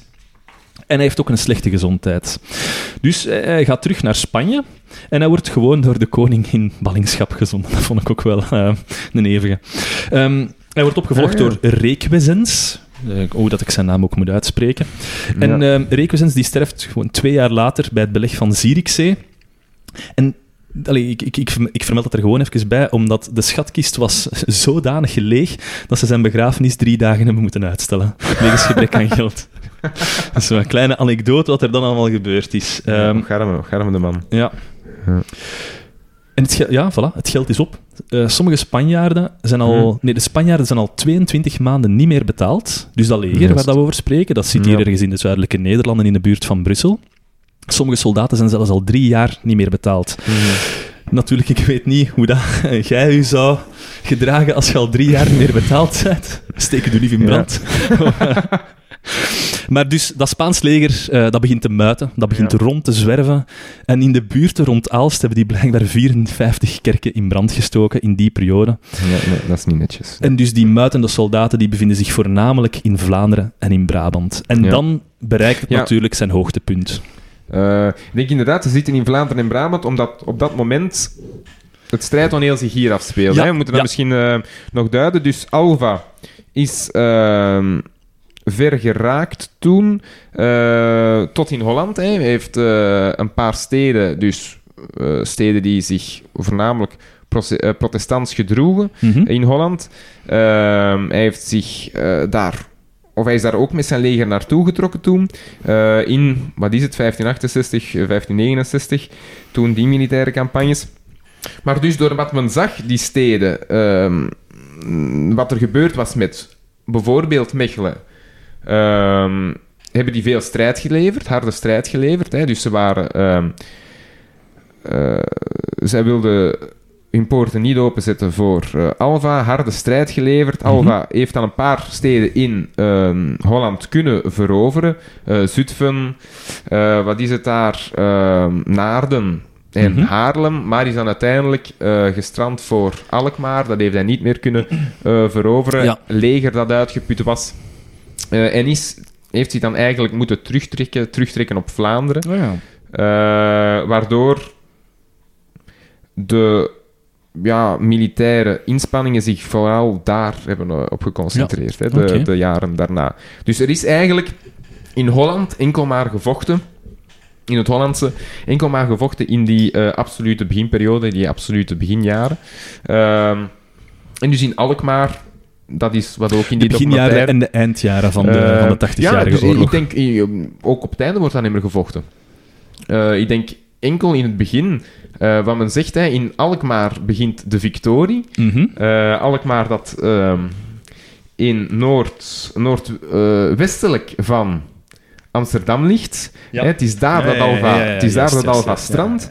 Kan hij niet veroveren en moet dan eh, terugtrekken. En eigenlijk van op dat moment ehm, ja, blijft Holland gespaard. Ja. Hè. Holland is eh, nooit meer overgegaan naar, ehm, Ja, naar de ja. Spaanse kroon. Zo is het, zo is het, ja. Ik denk ook omdat Holland gewoon ehm, voor een leger te moeilijk bereikbaar is, lijkt mij. Met veel kanalen, water, et cetera. Het Ik is denk ook een paar gewoon- keer gebeurd dat de, dat de dijken zijn ja, voilà, opengebroken. ik denk dat het dus gewoon ook niet makkelijk is om daar een, rege- een Ja. eh, leger naartoe te verplaatsen. Ja. Eh, dus dat dat ehm, gewoon eigenlijk eh, de staat van het terrein maakt dat je daar eigenlijk de breuklijn ziet van oké, men is... ehm, uiteindelijk heeft men Vlaanderen wel terug, Vlaanderen, stukken van Brabant, et cetera, terug onder de Spaanse kroon kunnen brengen. Mhm. Eh, maar dus Holland niet meer. Ik denk dat het daar ook eh, te maken mee heeft dat gewoon een leger daar minder makkelijk, een groot leger minder makkelijk. eh, Ja, plus dat Willem van Oranje ook van die streken was. Misschien dat hij daar ook sterker het zou stond. kunnen, het zou kunnen. Daar- ja. Neem, neem daarvan wel, neem Ja. daarvan wel. eh. Maar sorry, dus ik heb u eh, onderbroken. Nee, maar nee, dus nee, We, zitten, we zitten terug in eh, ja, het Brabantse. Dus Ja. terug wat we vandaag Vlaanderen zouden noemen. Hè. Dus inderdaad. Brabant, ehm, En, Vlaanderen... en het, geld, en het geld is op. Ehm, het geld is op. Ja. ja. En in 1576 ehm, komen ze aan de poorten van Antwerpen. Stad. Het stad. Ja. Het stad van Antwerpen. Toen ook al, toen ook al. Ehm, die periode die werd ook wel de, de Spaanse furie genoemd in Antwerpen. Dat is eigenlijk de echte Spaanse furie. Ja. Waar dat de Spanjaarden een klein beetje over de rooien zijn gegaan, als we het zo mogen zeggen. Ja. Ehm, die soldaten die krijgen pas echt hevig verzet op de grote markt. En daar, ehm, dat is ook wel een grappig verhaal, daar, staat dus, eh, daar stond dus een stadhuis, een van de wonderen van de lage Nederlanden. Een stadhuis dat slechts tien jaar geleden afgewerkt was voor ehm, het bezoek van Philips II. Hm. En dat brandt daar volledig af. De, de prinsgezinden, dus de, de, de Willem van Oranje aanhangers, Mhm. die vluchten weg op de schepen op de Schelde. Ja. En dat beleg dat duurt vier dagen, waarin dat zeker 8000 Antwerpenaars eh, sterven. En maar 250 muiters komen te overlijden.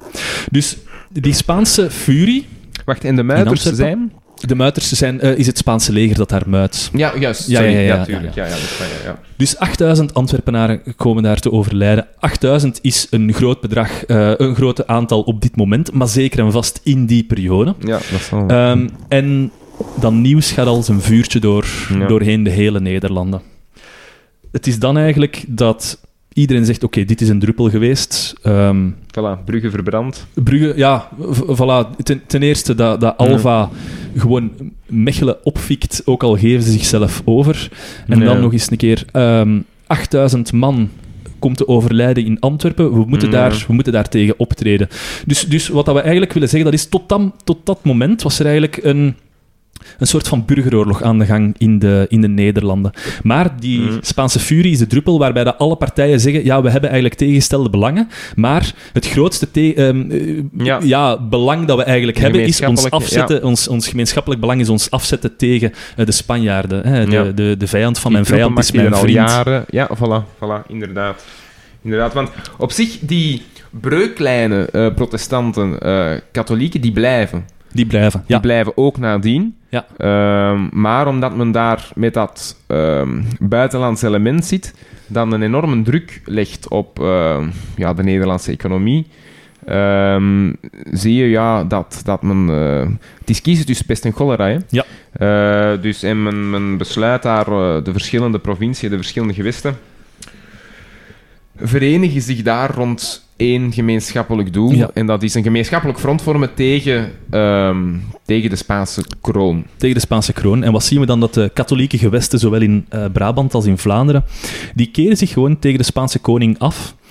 En die zeggen, ja, Willem van Oranje, ehm, jij bent eigenlijk de leider van de Calvinisten, maar breder de leider van de opstandelingen. Dus dat is in de pacificatie van Gent.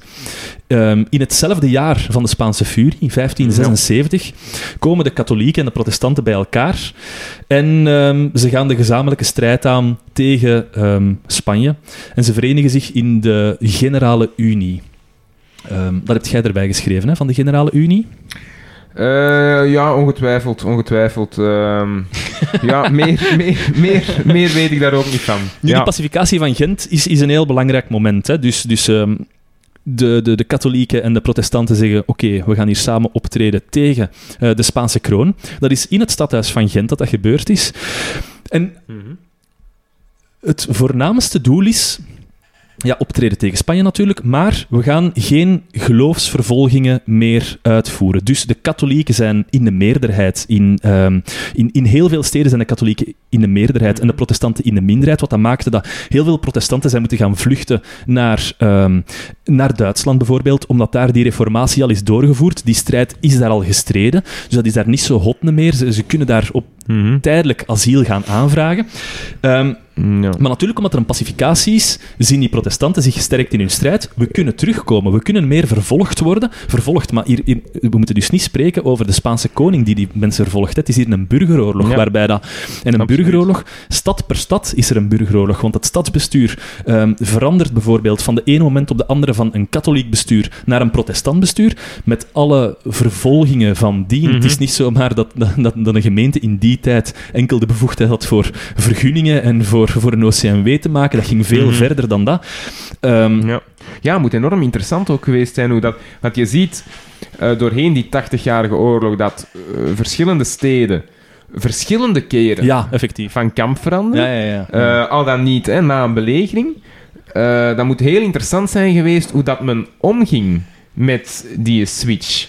Ene keer waren dan de, ja, voilà, maar de ene keer waren dan de protestanten. Oké, dat wordt dan door de katholieken. Wordt dat, en ja, dan moet... Dan die burgeroorlog, dat sneed inderdaad dwars door, eh, dwars door steden, dwars door gemeenschappen, dwars door families ook. Ja. Dus dat moet een hele rare periode zijn geweest, Ah, wel, eh, lijkt en, en, en het voorbeeld is dus de pacificatie van Gent. In Gent ehm, waren de katholieken op dat moment aan de macht, maar door die godsdienstvrijheid voelen die Gentse protestanten ehm, zich terug veilig om terug te keren naar Gent. Die beginnen daar een heel hevige strijd te voeren om hun geloof terug naar boven te halen, hè, de opperhand te laten krijgen. Ja. En wat doen ze dan? Er komt eigenlijk een, een, een mini-beeldenstorm, waarbij dat er terug een meute door de straten trekt om kloosters te gaan Ja. ja, ehm, terroriseren, ehm, eh, kerken te gaan ehm, eh, kapot Ja, ja. slaan. Het is revanche, hè. Het is revanche. Het is revanche. En zelfs in Amsterdam zien we dat, want daar gaan de Calvinisten de haven van Amsterdam blokkeren, omdat Amsterdam op dat moment een katholieke eh, stad was. Door druk te leggen op de haven leg je druk op niet enkel Amsterdam, maar op heel Holland bij Mhm. uitbreiding. Ehm, we moeten misschien nog vermelden, hè, we zitten nu eh 1576, Ja. pacificatie van Gent, verschillende provinciën komen samen. Ja. Op dat moment is het absoluut nog niet de bedoeling, en ik denk dat, er, dat het nog geen concreet idee is, om zich af te scheiden van Ja. eh, de Spaanse kroon. Nee, nee, ja. aanvaardt ehm, Philips II nog altijd als de legitieme landvoogd. Sterker nog, als je ehm, het Wilhelmus beluistert... eh, wat Het ik- volkslied wa- van Nederland. Het volkslied van eh, Nederland, wat ik eh, iedereen aanraad absoluut te doen. Nee, maar dus een van de eerste coupletten... ja. Want dus het Wilhelmus wordt in die periode geschreven als een strijdlied Van de Geuzen. van, van de Geuzen. Is geschreven in Duitsland, denk ik zelfs. In Duitsland. Ja, ja, Eh. Sicher, sicher. Eh, nee, het zou kunnen. En Wilhelmus slaagt dus op Willem van Oranje. Eh, Wilhelmus slaagt op Willem Maar, van Oranje. Nee, nee, eh, belangrijke aanvulling. Eh, maar dus een van die coupletten zegt... eh, de, de koning van Spanje, of Spanje, want het is, het is een Ja. oude tekst natuurlijk, heb ik altijd geëerd. Ah, Ja, absoluut, zit daarin. Vind ik ook een hele rare tekst trouwens om in uw volkslied te hebben. Ja. Als dat door een stadion ehm galmt, de, de koning van Spanje heb ik altijd geëerd, bon. Maar dus dat slaat daarop. Hè. Eh, men aanvaarde eigenlijk de Spaanse koning nog altijd wel als legitiem. die Schotten hebben ook zo'n volkslied waarin dat ze verwijzen naar de Engelsen, maar dat gaat er minder, dat gaat er minder vrolijk aan toe, hoor.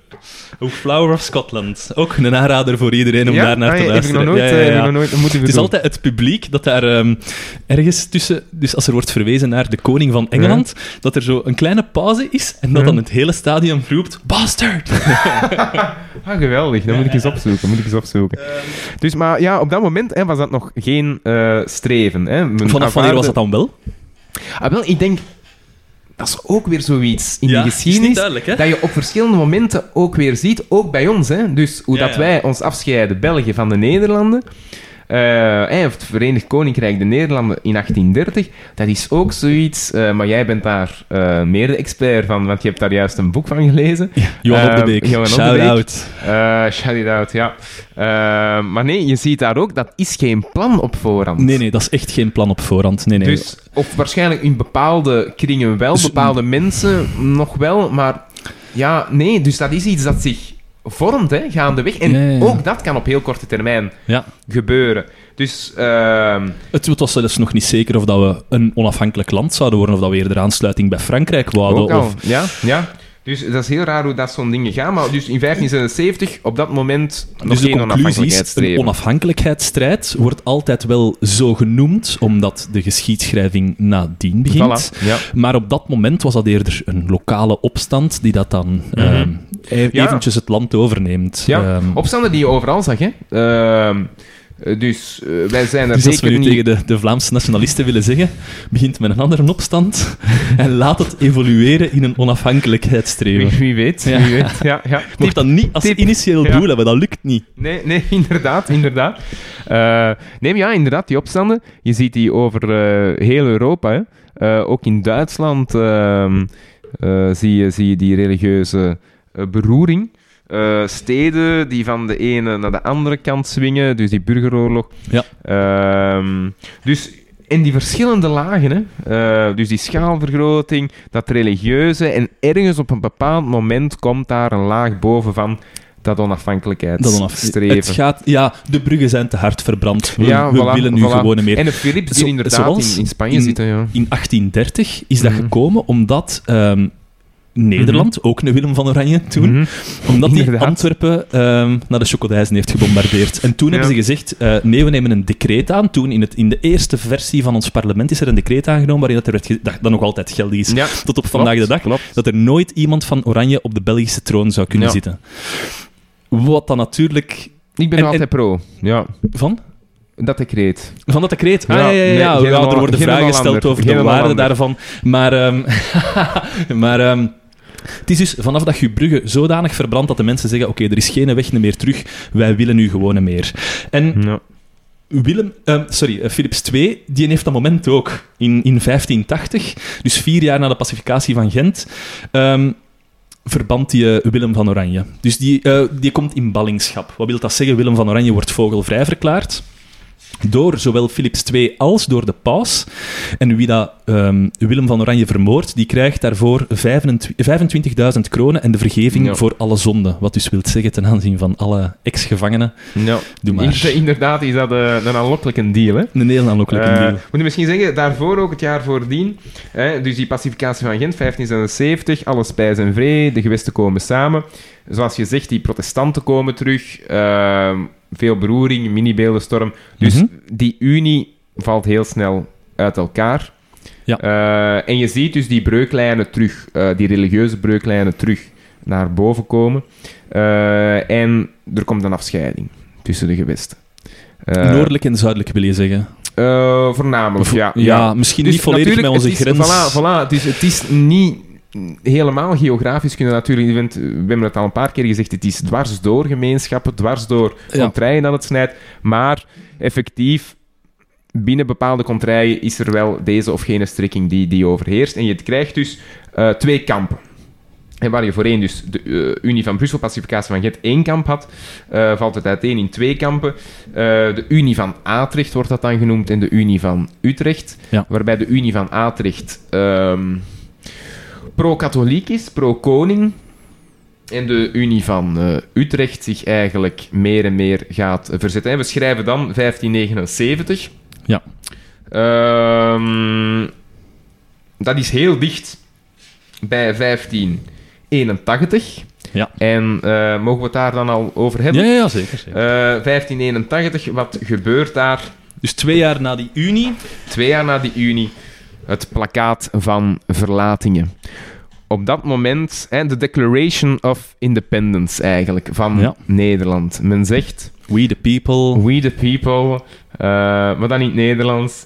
Nee, ehm, op dat moment, eigenlijk men scheidt zich eh, af, is een, een constitutionele tekst. Eh, ik, heb er, ik wou hem eigenlijk lezen. Is, is dat de grondwet van Nederland?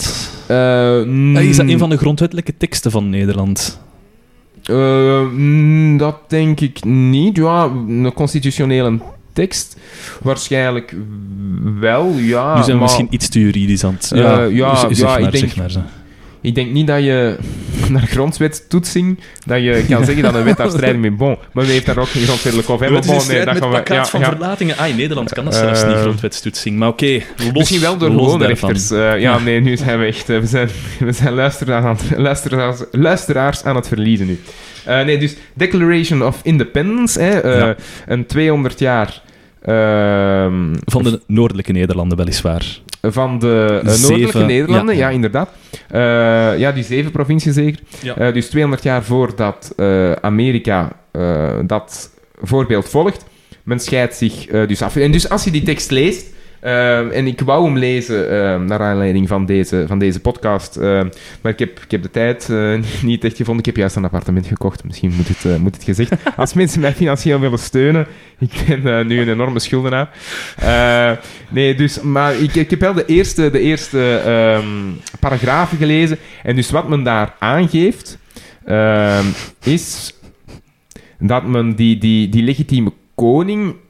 Hij heeft zijn taak niet goed gedaan. Hè? Ja. Hij had, hij had one Philips job. 2. Hè? Ja, voilà. Ja. Dus hij moest ehm, voor zijn onderdanen zorgen, et Ja. Ehm, dat, dat is vanuit die gedachte van er is een, een wisselwerking tussen vorst en burgers. Een heel verlicht idee voor die periode. Inderdaad, maar ik denk dat het op dat moment begint dat op te komen. Hè, die Ah, maar zo vroeg wel. Eh, ja, want ja. Hobbes, ehm, ja, de, de, de Engelse filosoof, Mhm. ehm, speelt daar denk ik ook mee. Hè, dat eh, een monarch ook wel eh, verplichtingen heeft ten aanzien van zijn subjecten. Mhm. Dat er dus een soort van overeenkomst is eh, tussen... en ik begeef mij nu op zeer glad ijs, hoor. Ja, ja, ja, Eh, ja. ja, als, Want als de constitutionalisten als, gaan ons hiervoor van Krombrugge hoort, ja. Maar dus... een pact tussen burgers en, en vorst. Een sociaal pact, Een zoals dat wordt pact.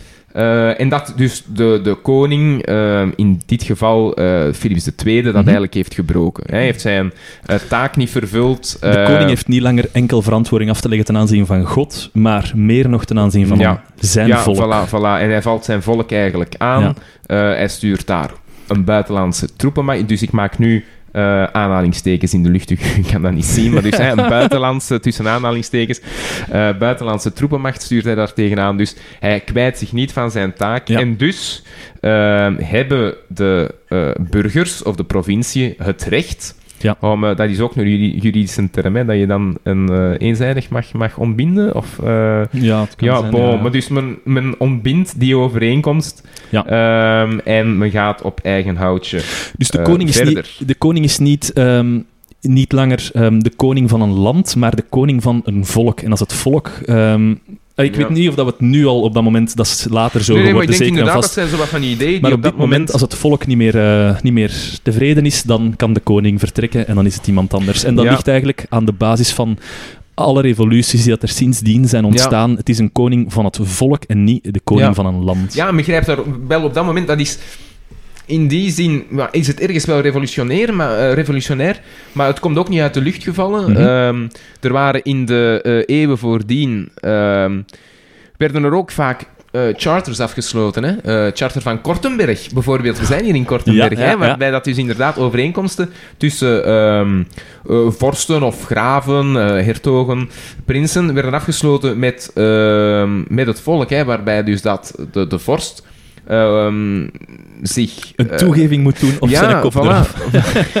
ja, ja. Maar dus inderdaad bepaalde toegevingen deed, of, of erkende dat hij bepaalde De had. van hetzelfde. Eh, voilà, effectief, effectief. Dus dat die, die eh, macht eh, toch ergens begrensd is, niet Ja. enkel van God komende. Eh, dus men beroept zich daar ook, denk ik, op. Ik weet nu niet letterlijk, maar minstens is dat, ehm, eh, zit dat ergens in het achterhoofd. Dus die Declaration of Independence bouwt daarop verder. Hè. Philips II heeft zijn woord verbroken. En dus 200 jaar later zou de plakkaat van verlatingen ook aangegrepen worden door ehm, de Amerikaanse Ah, eh, ja. verzetstrijders. Hè. Dat zou ook een van de documenten zijn waarop zij dus voortbouwen om inderdaad hetzelfde te, te doen met eh, George III, eh, denk ik. Ehm, waarbij dat, ja, men dus aangeeft dat hij ook hij eh, zijn, zijn eh, verbintenissen, zijn, eh, die Ja. overeenkomst heeft, heeft geschonden. Dus een heel belangrijk constitutioneel document, die plakkaat van verlatingen 1581. Ik vermoed dat Philips II daar alweer niet mee kon lachen. Een, een jaar Oh. later, na de plakkaat van verlating, wordt er, de, wordt er een moordpoging op Willem van Oranje ondernomen. Ehm, er is een citaat uit het boek dat ik misschien wel zou Mhm. willen formuleren. Ehm, dus degene die de moord had willen begaan, had zoveel kruid in zijn pistool geladen dat het wapen finaal ontplofte en het hand van de man verbrijzelde, zodat hij zijn dolk niet meer kon pakken. Meteen na de aanslag werd hij door de lijfwachten met pieken en zwaarden doorboord en overleed ter plekke. Ja, het was een amateur. Het was een amateur, Ja. Willem van Oranje, die geneest van zijn verwondingen. Twee jaar later echter, in 1854, lukt het. Ja. Een bepaald moment moest het lukken. Eh, ik denk, hij, ehm, ja, hij krijgt daar ook de illustere eer, denk ik, als ik mij niet vergis, om de eerste belangrijke persoon te zijn in de geschiedenis die vermoord wordt met een pistool. Ah, is dat echt? Ik denk Dat het wel. Ik, ik denk dat hij de eerste... Ja, we schrijven 1584, hè? Ja, ja, ja. Dus ehm, op dat moment, die technologie die stond nog niet zo ver, of die, die was, ja, denk ik, vrij recent. Ja. Ehm, dus hij is de eerste die ehm, zo, zo van kant wordt gemaakt. Eh, zou de eerste zijn in een lange rij natuurlijk. Eh zou, zou nog wel eh monarchen, monarchen eh, volgen en presidenten, et cetera. Maar hij, was wordt de daar, eerste. Hij wordt Ja. daar vermoord door Balthazar Gerard. Ehm, dat is eigenlijk niet zo belangrijk. Hij deed zich voor als iemand anders. En Ja. toen, maar eigenlijk was het een katholiek. Ehm, Ja. Die werd uiteindelijk gevangen genomen, gruwelijk gefolterd en vermoord. Ja. Ehm, maar, dat is misschien ook interessant, Willem van Oranje die ligt begraven in de Nieuwe Kerk in Delft. Ehm, dat is dus een stad tussen Den Haag en Rotterdam. Vanaf dan Ja. spreken we uiteraard meer van Willem van Oranje, maar dan gaat het zo naar ehm, Philips Willem van Oranje, Maurits van Oranje en Frederik Hendrik van Oranje. Ja. Ik denk dat we die namen niet per se allemaal nog gaan gebruiken. Je kan die ooit wel eens terugvinden in de, Ja. in de geschiedenisboeken. Voornamelijk Maurits van Oranje is, is, is, wel een, is wel een heel belangrijk persoon. En Ja. ja, en ik denk dat je daar ook weer die, ehm, die schizofrenie in de Nederlanden ziet. Hè. Enerzijds neemt men afstand van ehm, die monarch, van Philips II, Ja, ja. en keert men zich eigenlijk tegen, dus het idee van een koning. Anderzijds is men ook, of is een deel van de Nederlanden ook wel heel erg verknocht aan Ja. die, ehm, die traditie van die oranjes. Ja, dan moet ik, dat, dat is wel belangrijk dat je dat zegt, want met dat plakkaat van verlatingen, in, ehm, dus die Declaration of Independence, 1581, doet men ja. afstand van Philips II eigenlijk zoals ons decreet zegt, er mag geen oranje meer op de troon zitten Mhm. van België. Ja. Zeggen zij hetzelfde met Philips II. Ehm, maar er wordt op dat moment nog geen nieuwe landvorst of een landvoogd Mhm. aangeduid voor de Nederlanden. Die positie die blijft eventjes openstaan. Ja, men ging wel op zoek, hè? Men ging Inderdaad. op zoek, Want maar... bijvoorbeeld, men heeft Frankrijk, denk ik, is men gaan zoeken. Een, eh, een Franse prins Ja, eh, heeft men volgens mij ehm, gecontacteerd om, om Met- koning van van de... Anjou of eh Anjou?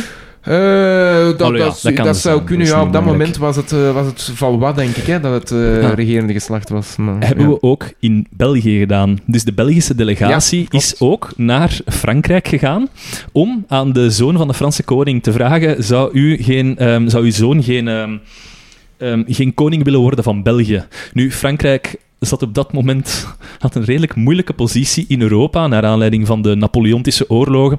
En Frankrijk had schrik dat als we ingaan op het voorstel van de Belgen om ook koning te worden, om, eh, om dus de zoon van de Franse koning ook koning te laten worden van België, dat Engeland dan absoluut niet blij zou zijn en Frankrijk zou geen geld hebben, nog een leger, om de strijd met Engeland opnieuw aan te gaan. Ja. Dus alweer zoveel zaken die je gewoon ziet terugkomen in dat hele revolutionaire gebeuren, want ja. zoveel voorbeelden zijn er ook niet van. Hè. Het, is, het is een klassiek patroon dat er moet worden gevolgd, Absoluut. omdat je, je als je Zoeken iemand nieuw wilt hè. hebben die aan de macht, die, die, die op die troon moet gaan zitten, moet dat natuurlijk wel met... Er moet een claim zijn voor die troon. Ja. En het is de gemakkelijkste claim die dat je kan hebben, is gaan vragen aan een verwante koning die ergens eh, landerijen heeft, in, in, eh, of, of, of die... die ehm, eh, verwant is aan het ja, voilà, huidige een gezag. machtsbasis, ja, voilà. Ja. Ehm, dus, dus je probeert ergens machtige bondgenoten te, Ja. te vinden. Hè? En dat ehm, had men natuurlijk daar met die, die Franse buur.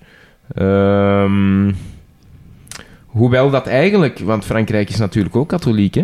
Eh, dus het is echt eigenlijk de vijand van mijn vijand, is mijn vriend daar. Ja. Eh, het wordt zeer opportunistisch gespeeld, maar dus men, eh, speelt met die gedachte om ehm, die kroon aan te bieden, of men biedt die ook effectief aan aan ehm, een Franse prins, maar dat gaat uiteindelijk dus niet, eh, niet door. Ja, en die oranjes, die goh, fietsen dan wat door die Nederlandse Die zijn stadhouder op dat moment. Hè? Voilà, dus en dat- die komen wat dan- zou dat zeggen? Dat zijn de rol van de premier of zo. Dus er is geen Eh, koning, ja. maar er is dan wel een premier. Ja. Allee, zeg ik nu even aan de keukentafel. Eh, ja, ja, hoewel dat dan natuurlijk ergens ook wel monarchale trekjes eh, Ja, vertoont. Hè. Maar dus ja, en die komen telkens als het slecht gaat zo in de Nederlanden, dan doorheen de, de eeuwen die dan volgen, hè, Mhm. ehm, komen die Oranjes dan wel terug Ja. eh, als opperbevelhebber van het leger vaak. Ja, voilà. Dan moeten we misschien terug eventjes overgaan naar de strijd die dat dan wordt gevoerd. We Ja. zitten die dan in 1585 met de val van Antwerpen. Ja. Ehm, de Spanjaarden waren aan een reconquista bezig, ehm, net zoals Elio Di Rupo, by the way, Ehm, waarbij dat Brussel en Antwerpen werden geviseerd. En, en Antwerpen was nog... Allee, Brussel viel redelijk snel, maar Antwerpen was zo de laatste stad nog in, in Vlaanderen die moest worden ingenomen. En het was toen hertog van Parma die aan het hoofd stond van het leger. En die moest een brug bouwen over de Schelde ehm, bij Callo. En daar zou hij dan zijn troepen de stad inloodsen. Ehm, de Antwerpenaren probeerden dat met man en macht tegen te gaan. Ehm, en wat deden zij? Ze hebben dus twee schepen vol met buskruid laten afzakken naar die brug. Er is maar één schip uiteindelijk aan die brug geraakt. Die is tot ontploffing gekomen en er had zoveel buskruid om dat schip dat er 1300 man gestorven is. er is zelfs een anekdote dat, dat er ene soldaat van de ene gemeente gewoon naar een andere gemeente gevlogen is. Die brug die is weinig beschadigd geweest. En eh, de Antwerpenaren hebben uiteindelijk... eh, sorry, de Spanjaarden hebben uiteindelijk Antwerpen kunnen innemen. Ja. Ehm, waarbij dat ook de oorlogskas voor Nederland was. Ik ga niet zeggen dat ze op was, want we zaten op dat moment met een enorm, ehm, enorm rijk gewest Holland.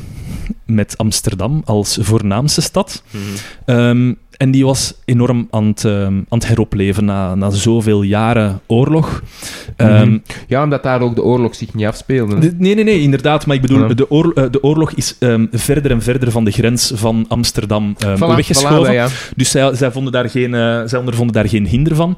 Dus daar kon de handel ehm, tot stand komen. Hè. De Gouden Eeuw begint daar dan ook. Mhm.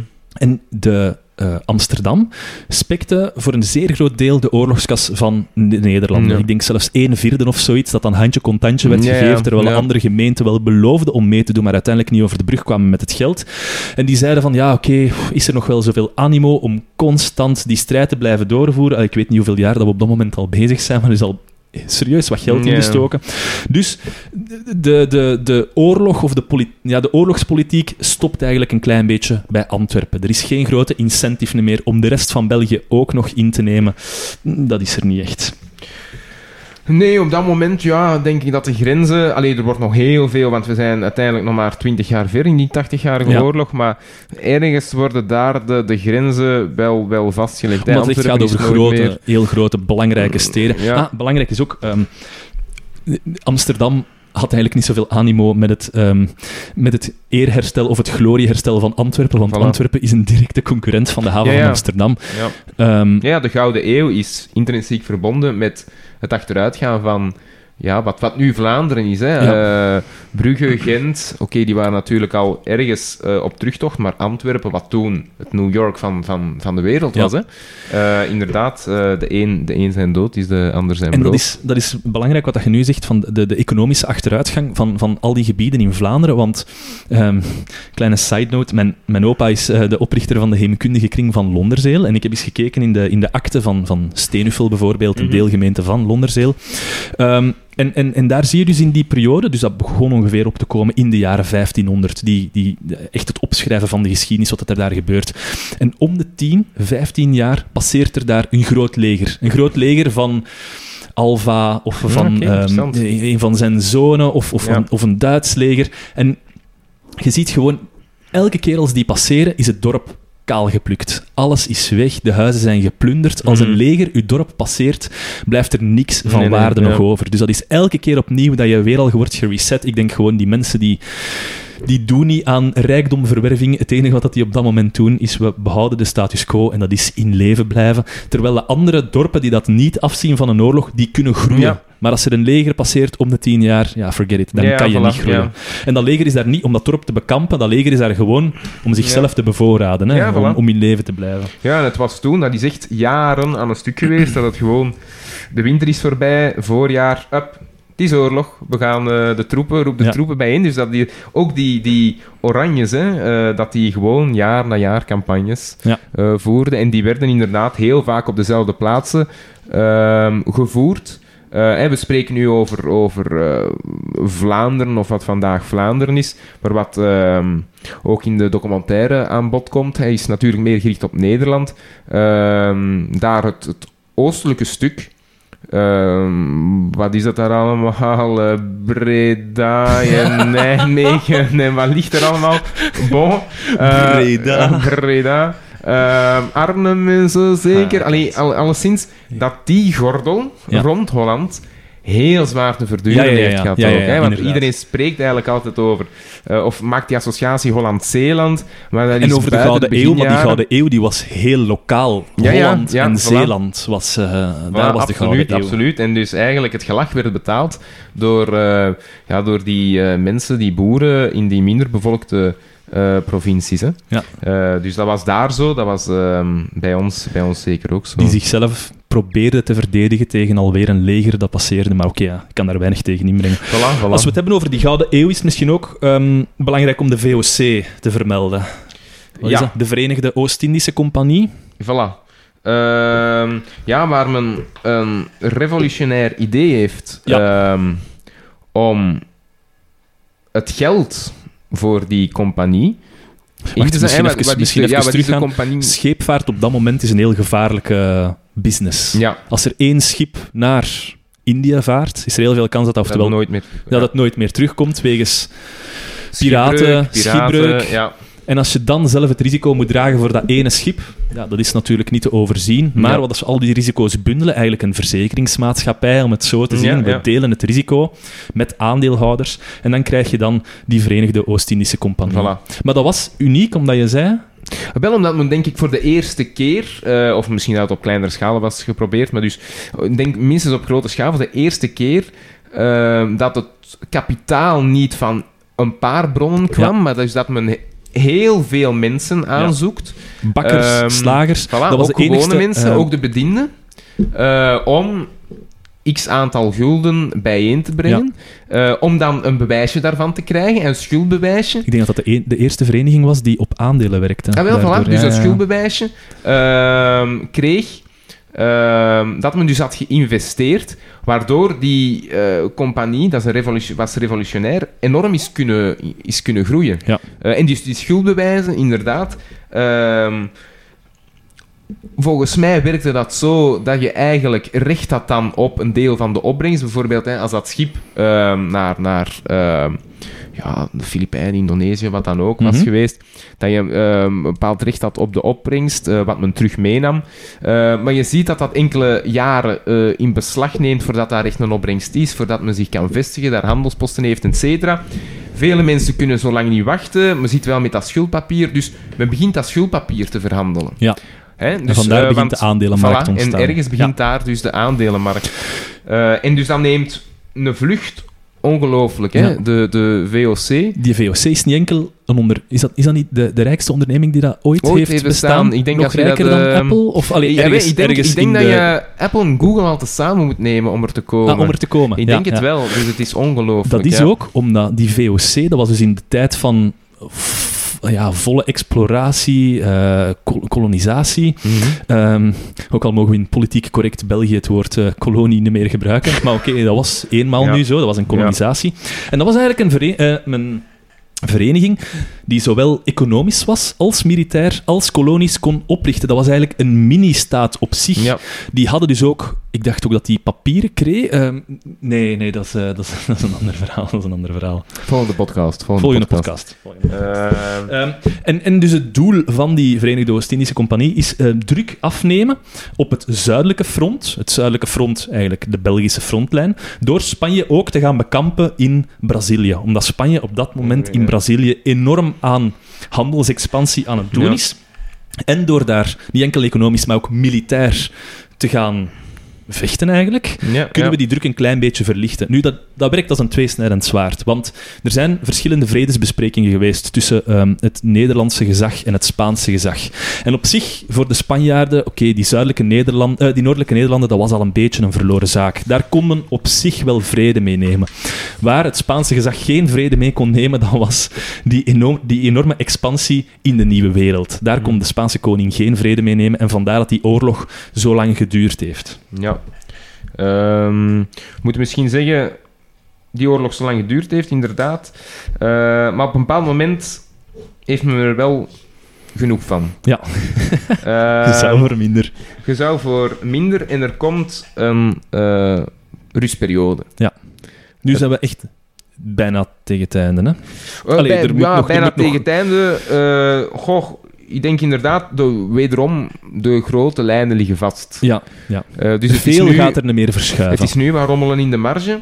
Ehm, Oké, natuurlijk, dat rommelen in de marge voor de gewone mens, de gewone boer op dat moment, die inderdaad met zijn boerderij daar zit Ja. en daar altijd elk voorjaar een leger ziet passeren, is dat rommelen in de marge nogal een serieuze kle die wordt afgetrokken. Ehm, maar, maar, eh, maar het blijft, ja, politiek gezien, allee, of op macroniveau, eh veel verschuift daar niet meer. Ehm, Dus jij wilt zeggen dat 12-jarige bestand. maar dus we komen op een bepaald moment eh, in een episode dat men de beide kampen ervoor kiezen om even de wapenen te laten rusten. Het heeft genoeg geld gekost voor de genoeg. Spanjaarden. Dus de noordelijke Nederlanden zien, goh, we, we kunnen meer, we kunnen meer verdienen met handel dan met oorlog. Ehm, dus er komt een 12-jarig bestand. Ja. Een wapenstilstand. Geen vrede. Dat is al meer met Philips II. Het is de Philips III is wapenstilstand. ondertussen ook al gestorven. En we zitten hier met Philips IV. Dus dat is een Ja. 12-jarig bestand tussen Philips IV. Ehm, maar de Spanjaarden hadden blijkbaar wel zware eisen, zoals geen handel op Oost-Indië. Dus ze mochten dan Mhm. wel naar ehm, de nieuwe wereld gaan, vermoed ik. Maar naar Oost-Indië mochten ze niet gaan. Of naar West-Indië mochten ze wel gaan. Allee, ehm, blijkbaar, blijkbaar deden ze toch hoor naar Oost-Indië, maar gewoon onder een ja, maatschappij de met een andere benaming. ja. Eh, de, de VOC was gericht op uh, het oosten natuurlijk. Ja. Jawel, maar je had ook een Verenigde ehm, West-Indische Ja, ja, je had ook Compagnie. de- Ja. Eh, wel. VWC, hè, ja. En ehm, godsdienstvrijheid voor katholieken in het noorden. Nederland heeft eigenlijk... Allee, in noordelijk Nederland is er nooit echt een zwaar probleem geweest met die godsdienstvrijheid. We zagen dat ook terugkomen in 1830, toen dat Willem van Oranje heeft gezegd, ja, oké, voor, de ver- voor de Verenigde Nederlanden ehm, voeren we een godsdienstvrijheid in.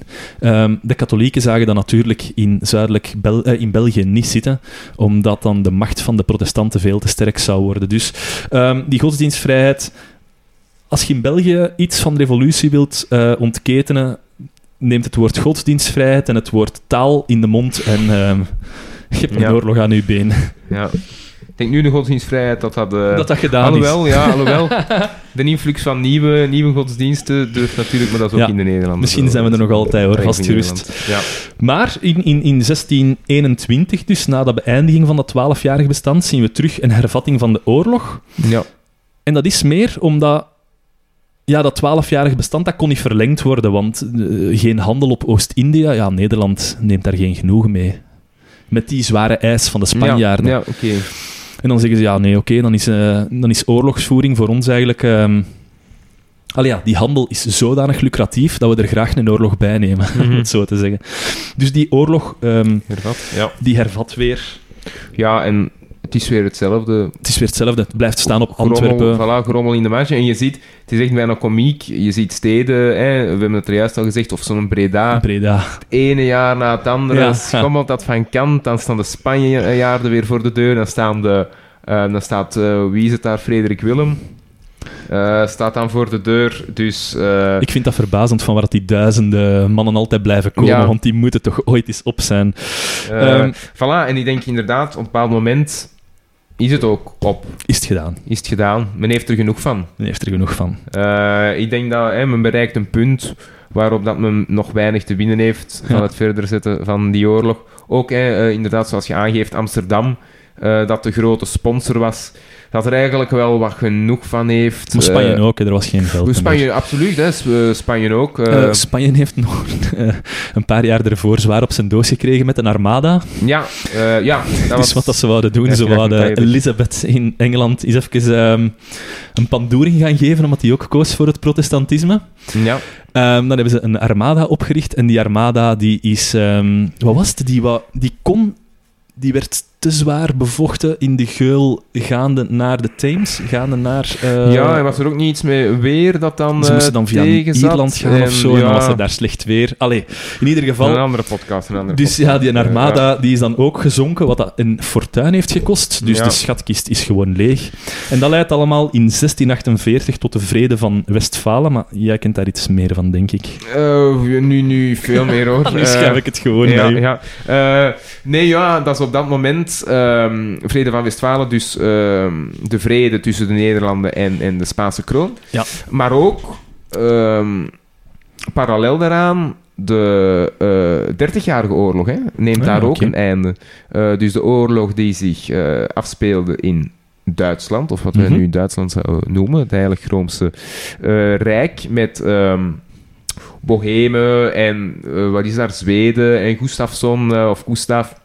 Bon, is die oorlog ehm, die enorm zwaar daar ook heeft thuisgehouden. Hè. Ik denk dat, ehm, eh, dat er daar sprake is van 20% of zoiets van, van de bevolking die daar gestorven is. Het was enorm. Ja, ja de, de, de cijfers lagen daar veel hoger dan in de Tweede Wereldoorlog bijvoorbeeld, Amai. of in de Eerste Wereldoorlog.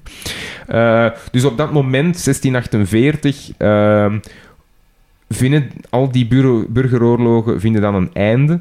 In ehm, Westfalen, eh, wat een, een eh, gebied is in eh, Duitsland, in twee ehm, steden, als ik mij niet vergis, Münster en Osnabrück. Mhm. Dus ehm, daar gaan jaar- jaren over natuurlijk, hè, dat er dus onderhandeld wordt tussen ja, oké, ja. al de vertegenwoordigers. En effectief, ehm, men komt, komt tot een vrede Ja. eh, tussen, tussen de Nederlanden en eh, Spanje. Ik denk ook dat daar eh, een principe is gevestigd dat je als staat u nimmer bemoeit met de interne politiek van andere staten.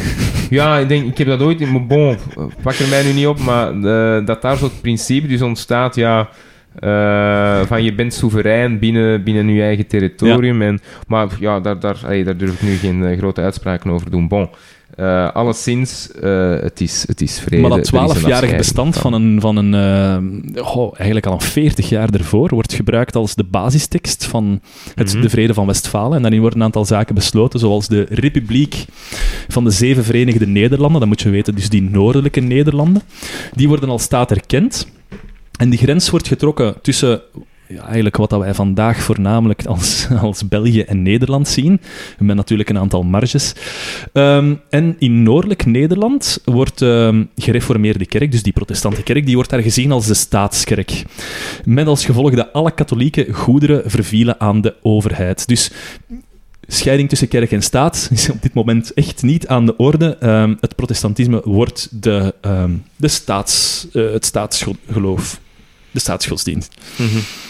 Absoluut. Ik denk dat dat... eh, Ik denk dat we... eh, ik ben eens aan het kijken naar onze uitsmijters. Ja. eh, of dat we daar nog iets dus moeten... voor de luisteraars, we zijn er, hè. de 80-jarige oorlog is, is gedaan. Het is gedaan. Het is, vrede.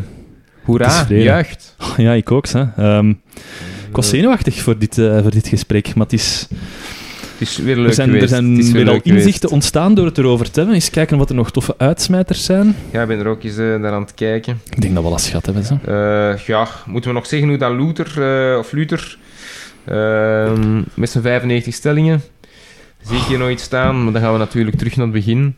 Als je, als je dat Ehm. interessant kunt maken op nog een minuut tijd, dan wil ik je daar gerust naar luisteren. Goh, nee. Ja, we- wel, wat ik interessant vond... ehm, dat heb ik ooit eens... eh, wel in een fictieboek. Ik weet eigenlijk, we mogen, dus, we, we mogen het hier niet hebben over fictieboeken. Eh, ik, ik zie u kijken, ik zie u kijken, Steven. Maar, dus eh, het was wel historisch gekaderd. Harry Ehm, Potter is ook een heel goed... misschien... Ah ja, maar dat is de geschiedenis van de tovenaars. Ja, dat, Ja, is, ja, ja. Dat, is, dat is een andere, een andere podcast. Nee, maar het is dus wel historisch correct, denk ik. ehm, dat de, ehm, de landheer van de gewesten van eh Luther, oh, Luther, sorry, ehm, dat die aan zijn titel was geraakt Mhm. door die te kopen. Ja. Ehm, en hij zich zo serieus in de eh, schulden had gewerkt. Hij had dus een lening bij de, de Fugger, of de Fugger familie aangegaan. Mhm. Eh, Dat klinkt Game of Thrones ja, voilà, maar dus ehm, die, die ehm, een van de rijkste mensen ooit is geweest, blijkbaar. Dus de, de, het hoofd van die, die familie. ehm, was daar een lening aan gegaan. En het is dus hij eigenlijk, die, die, of die Fugger-familie, ehm, die erop staat dat er aflaten Mhm. eh, gaan verkocht worden. Ehm, hij zit, hè, die Fugger-familie zit dan ook ergens bij eh, de, de heropbouw van de Sint-Pieters, allee, of de nie- nieuwe Sint-Pieters-basiliek in Rome. Mhm. Ehm, en dus hij krijgt daar bedongen dat, daar, ehm, dat men aflaten gaat beginnen verkopen, de katholieke kerk. En het is natuurlijk daar, tegen die aflaten, dat die Luther zich eh, verzet. Ja. Hè, maar dus wij, wij kennen allemaal het verhaal van, oké, katholieke kerk aflaten. En, ehm, en die, eh, die Luther die zich met zijn 95 stellingen daartegen verzet. Maar dus eigenlijk daarachter Mhm. zat, of zaten bankiers, zat een Ah, bankierfamilie. Dus right. eh, ja, dus hè, met Who Runs the World vandaag. En ja, toen, toen, Toen ook, ook. wel natuurlijk. Het ging wel over... Die, je, je kunt vorst zijn, een soevereine monarch, et cetera. Maar als je geen geld Maar hebt, als je geen geld hebt, het, dus achter, wie, wie eh, ligt me daar wat eh, in Nee, de war? nee, nee, Ah, Ik zie je naar me kijken, ja. Hier Eh, één klein blesje Ja, ja, kom, ja leg, leg, leg het even goed. Dank u, dank u. Maar dus wie speelt daar op de achtergrond? En dat vond ik wel een interessant inzicht. In dat wel fictieboek, maar ik denk dat het klopt. dat daarachter of daaronder in die coulissen veel meer speelt Ja. dan ehm, enkel, enkel die vorsten. Die, zelfs Game of Thrones met de Iron Bank. Ja, voilà, voilà. Ja.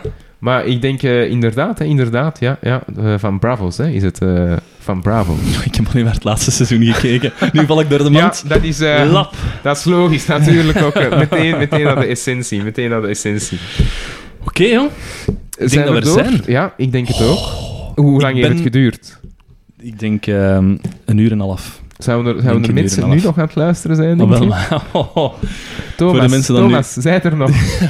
voor de mensen die nu nog luisteren, echt eh, merci. Ja, Ik ben ook content dat dit hoofdstuk gedaan is, want geschiedenis is niet mijn forte. Dus het Hm. was heel veel informatie om te blijven onthouden. hè. Die Ja. podcast die zit nu al twee maanden in de pipeline. Ja. We gaan er wel sneller over moeten beginnen doen, maar er waren een aantal omstandigheden waardoor dat, Voilà, dat voilà. uitgesteld was. Maar ik ben blij dat we het achter ons kunnen laten. Nu, Ik vond het eh, aangenaam. Van ja, ik vond het ook goed. Ik ook goed. Ik heb heel veel bijgeleerd. Ik hoop de luisteraars ook.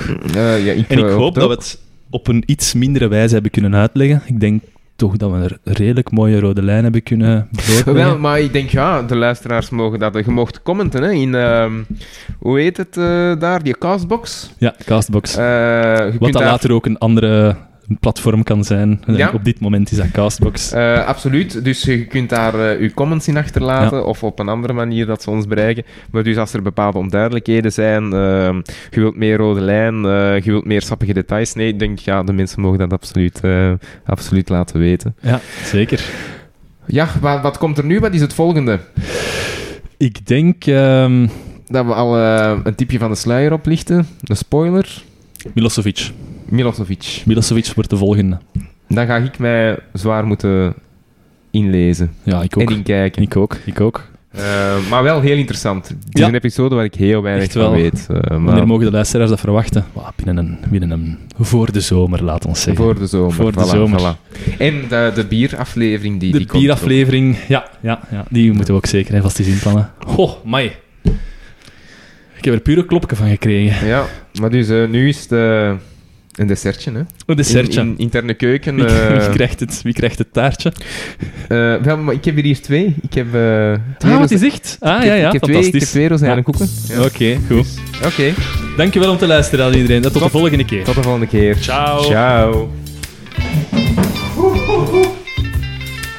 Amai. Ik zit op, joh. Ik moet pipi gaan doen.